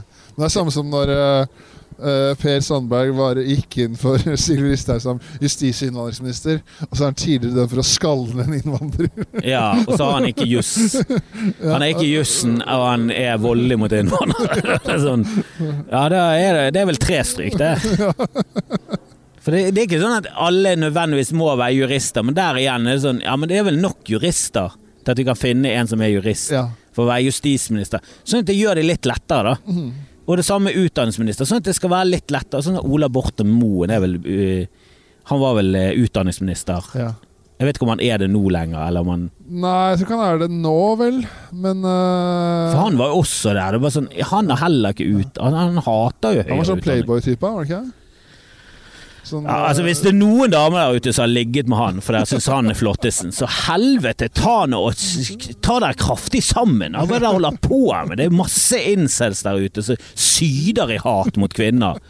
Og så ligger der med Ola Borten Moen. Kan- jeg- jeg- Det er nesten så jeg, sympati for. Ja, det er faen jeg, skal gå i støttetog, fakkeltog for skoleskyttere fra nå av. Hvis jeg ligger med Ola Borten Moen, altså. Fy faen for et motbydelig vesen. Og det oser jo motbydelig av hele fyren. Du ser jo det på han. Og han er motbydelig. Og så var han, han var jo olje- og energi, ja. energiminister, og så er han medeier i et oljeselskap. Ja. Det, er også sånn, og det er det samme fiskeriministeret. Mm. Alle de eier jo oppdrettsanlegg. Og det er bare sånn, ja, men er ikke det, altså, ikke det diskvalifisering fra at de må ha noe med å lage regler om hvem som får ditten og datten Ja. i den sektoren? Mm. Der må det også være mulig å finne noen som ikke har noe. Som var Gaute Drevdal som barneminister. Det, det er jo bare Ja, det er mye skandale. Men eh, helt til slutt der, eh, Espen. Du har jo en egen podkast på Juicy Productions. Du Ja. var, er vel den første Ja, Jonis har vel prøvd seg på en podkast som Ja. ja, Jeg vet ikke, jeg vet ikke hvor eh, jeg vet ikke hvor, eh, hvor bra kontinuitet det er i denne juicy Ja, nå begynner det et par år siden siste episode, tror jeg. Så Men jeg husker han skulle starte opp eh, og satse litt på podcaster. Og jeg, jeg, tar jeg feil når du er første Jeg var den første som eh, ble lagt ut der, ja. Ja. Eh, på Juicy. Så han har vel Det er, en, eh, det er tre podcaster med Juicy Producy som er ute nå. Juicy Producy. Ja, det er det det heter. Ja. Og, og så er det vel et par-tre i Rede som dere vil jobbes litt med. Ja, jeg er i rørledningen. Ja, I pipeline. Så, så min er vel egentlig at uh, det er bare en slags som vi har gjort nå, langformatsprat. Uh, Ja, Abrahamsen-show. Ja. Abrahamsen Show. Og så er det liksom prøver å finne interessante folk og liksom eh, eksperter innenfor eh, evne. Men så er det sånn episoden som kommer ut i dag, det er med Gucci-Gaute. Det er ingen ekspertiseprat, for å si det sånn. Det Nei, han er jo ekspert på å være Gucci-Gaute. Ja, han er ekspert på å være Gucci-Gaute. Uh, så der prøver Så jeg har liksom hatt noe, eh, noen, lest noen bøker, hatt en rusekspert inne. Hadde han eh, Tommy Gulliksen som er Norges fremste dokumentarskaper. Og så er det liksom så at Dag Sørås, Jonas Bergland og ja, sånne Ja. Isalill eh, Skolpus. eh, for, Snakker litt eh, om den Fosen-saken. Uh, Ja, jeg hørte starten på den i dag, faktisk. Og ja, Du går jo bare rett på hvordan er det å være same, og det er jo det du har lyst til å ja. Du har jo litt lyst til å høre om det, og det er Ja. Helvete! Snakk om politikk og, eh, og feile, feile ting og feile verdier. Jesus Christ. eh, Hva, hva, Nor hva Norge har gjort mot samer opp igjennom. Apropos voldtekt. Ja, det blir liksom, altså Voldtekt av én person er liksom Det er helt utilgivelig og forferdelig. Men når en hel stat bare voldtar et helt folk, Ja. det, er, det blir så mye verre, altså. Ja. Og det er så, Der er det også sånn Men hvorfor? Hva er liksom Hva er, hva er liksom Hva er det dere tenker inni hodet deres at rasjonelt skal skje nå? Altså, hva er logikken her? Ja. Altså, er det det der med at hvite menn er bare sånn Ja, men vi er så jævla Altså, det samfunnet vi bygger, er bare så flottesen at Mm. alle må ta del i dette. Ja, ja, ja. Og det dere holder på med, er rett og slett motbydelig og teit. ja. Å bo i telt Det er ingen som har lyst til å bo i telt. Vi har lyst til å bo i telt. Nei, det har de ikke. Og hvis dere fortsetter å si det, skal vi faen meg brenne det teltet. Det er så jævla Det er så sinnssyk tankegang, da. Og det er liksom Det høres så 1800-tallet til. Det høres så 1800 år før det, og så er det ikke det. Det Nei, det er er liksom 1960 Nei, nei, 50-60. de, de tvangssteriliserte samer og tatere, som det het på den tiden, i Norge til eh, ut på 70-tallet, tror jeg. Ja. Og det liksom Og forferdelige ting ble gjort langt ut på 80-tallet. Ja, ja. Og, og fortsatt. Fosen er jo levde du. Fosen er jo nå. Ja. Og der er folk sånn Ja, men det er jo helt tåpelig å begynne å rive ned disse Bare sånn ja, men, De skulle ikke vært satt opp. Nei. Du kan ikke bare gjøre noe og så bare tenke sånn Ja, men det er bedre å be om tilgivelse enn tillatelse. Ja. Bare, Nei, ikke når det kommer til politiske vedtak. Du kan ikke gjøre det som politiker og bare gi konsesjoner, og så har ikke de rett til det engang. For det snakker vi om i, i podkasten, for det er da, da et menneskerettighetsbrudd. Og så sånn, jo, men og så sånn, ok, men da, Du kan ikke begynne å fi... Altså, det menneskerettighetsbruddet, det er greit, men det er ikke greit. Da tror jeg du er på vei inn i en mørk bakgate. Hvis det er sånn Jo, men det er ikke så farlig med akkurat Ja, men det kan ikke være sånn at. Ja, men øh, hvis, hvis eh, Altså, regning Vi må jo se litt på tall òg, da. ja, ja, Og hvis det koster seks milliarder å ta de ned, så må vi lett, nesten la dette slå Vi skal skjerpe oss fremover, kanskje ikke mer mennesker. Sånn, nei, ja, gir nå faen i om denne reindriften er et fuckings nullsumsprosjekt. Jeg bryr meg ingenting om det. Det handler om å gi folk rett til å være den de er, Mm. på det området de faktisk har vært i hundrevis, tusenvis av år. ja. Og da, da må jo eh, rett og slett regjeringen ta seg selv sammen og tenke at ok, vi har voldtatt dem før, vi skal slutte med denne Ja, voldtekten. Selv om det er bare sånn ja, men nå er det bare onani mot viljen. Kom igjen. Og de, eh, vi betaler også, så kom igjen. det. Må jo være lov. Ja, det er, det, det er så skremmende at folk kan ha sånne verdier. Ja, det er bare sånn, ja, men jeg syns ikke verdien i samfunnet bør være la oss tjene mest mulig penger. Nei. Og jeg vet at penger Selvfølgelig er vi interessert i penger, og penger skaper ting, og penger er bra, og alt det der greiene, men det kan ikke være det som er verdien i samfunnet. La oss tjene mest mulig penger på bekostning av absolutt alt det andre. Det er sånn det, det er ikke noen bra verdier. Det, jeg har ikke lyst til å bo i et Norge der det er verdiene til landet. Nei. At ja, menneskerettighetsbrudd, menneskerettighetssmrudd. Altså, kom igjen. Det er tross alt vindmøller Ja. der tyskere tjener penger. Ja, ja, ja, ja. Det irriterer mye av vindmøllene. Bare sånn ja, og folk som mener at sånn, ja, men vi hadde tjent like mye på Statoil hvis ikke det hadde vært eid av staten. Ja. Det er jo Carl I. Hagen fortsatt. ja, ja. Han står jo fortsatt for at vi skulle selge Statoil. ja. Altså, vi skulle selge oljerettighetene, for det er jo det du tjener penger på, er jo eh, skattene og sånn. Bare, Kjenner vi ingenting på å eie det? I mitt hode så, så må det være noe penger i å eie ting. det går ganske greit. Ja, men er, er ikke det en av grunnene? Er ikke det suksessoppskriften til Norge sånn økonomisk sett, at vi eier hele jævla oljesektoren? ja, det er vel det. Eller mye av det. ja. Åh, nei, fy faen. Penger. Penger, roten, penger, penger. Roten til eh, Til veldig mye bra, altså. Mm. Men eh, faen er roten til alt ondt også. Ja. Det er feile verdier. Vi må ha andre verdier i samfunnet. Jeg syns du, du står for uh, Jeg liker standupen din. Jeg synes Du har uh, Du virker som du har et moralsk kompass som strider mot ishockeyreligionen du kommer fra. Fra den ishockeybakgrunnen som egentlig består i voldtekt og hockeyår. Så, eh, så er du en bra fyr, på tross av at Til tross for det. på, Tatt alt i betraktning, så er det faen ikke så gæren. ja, du virker som en fin fyr. Og jeg, tror, jeg, jeg ser for meg at hvis du hadde blitt jurist, så hadde du blitt en sånn gatejurist. Du hadde stått opp for de, eh, de Da tror jeg du har for gode tanker om meg. Så kommer Vikborg og Rein med en, eh, med en årslønn på to millioner, så det var fuck deg, narko, narko-Berit. Ja. Seil din egen sjø. Jeg skal forsvare Kongsberg-gruppen. Ja. Jeg har fått en fet kontrakt med Nammo. Så jeg skal bare opp og godsnakke litt med sjefen og la han tafse på noen små, små piker mens jeg ser på. Så lar vi det slide, for det, kontrakten er verdt mer enn og ditcher. Nei, men eh, takk for praten. Jeg begynner faktisk å bli litt kald. Eh. Kanskje ja. vi skal Tusen takk for at du ville komme. Kjempehyggelig. Ja, ja, ja. Vi snakkes. Hei.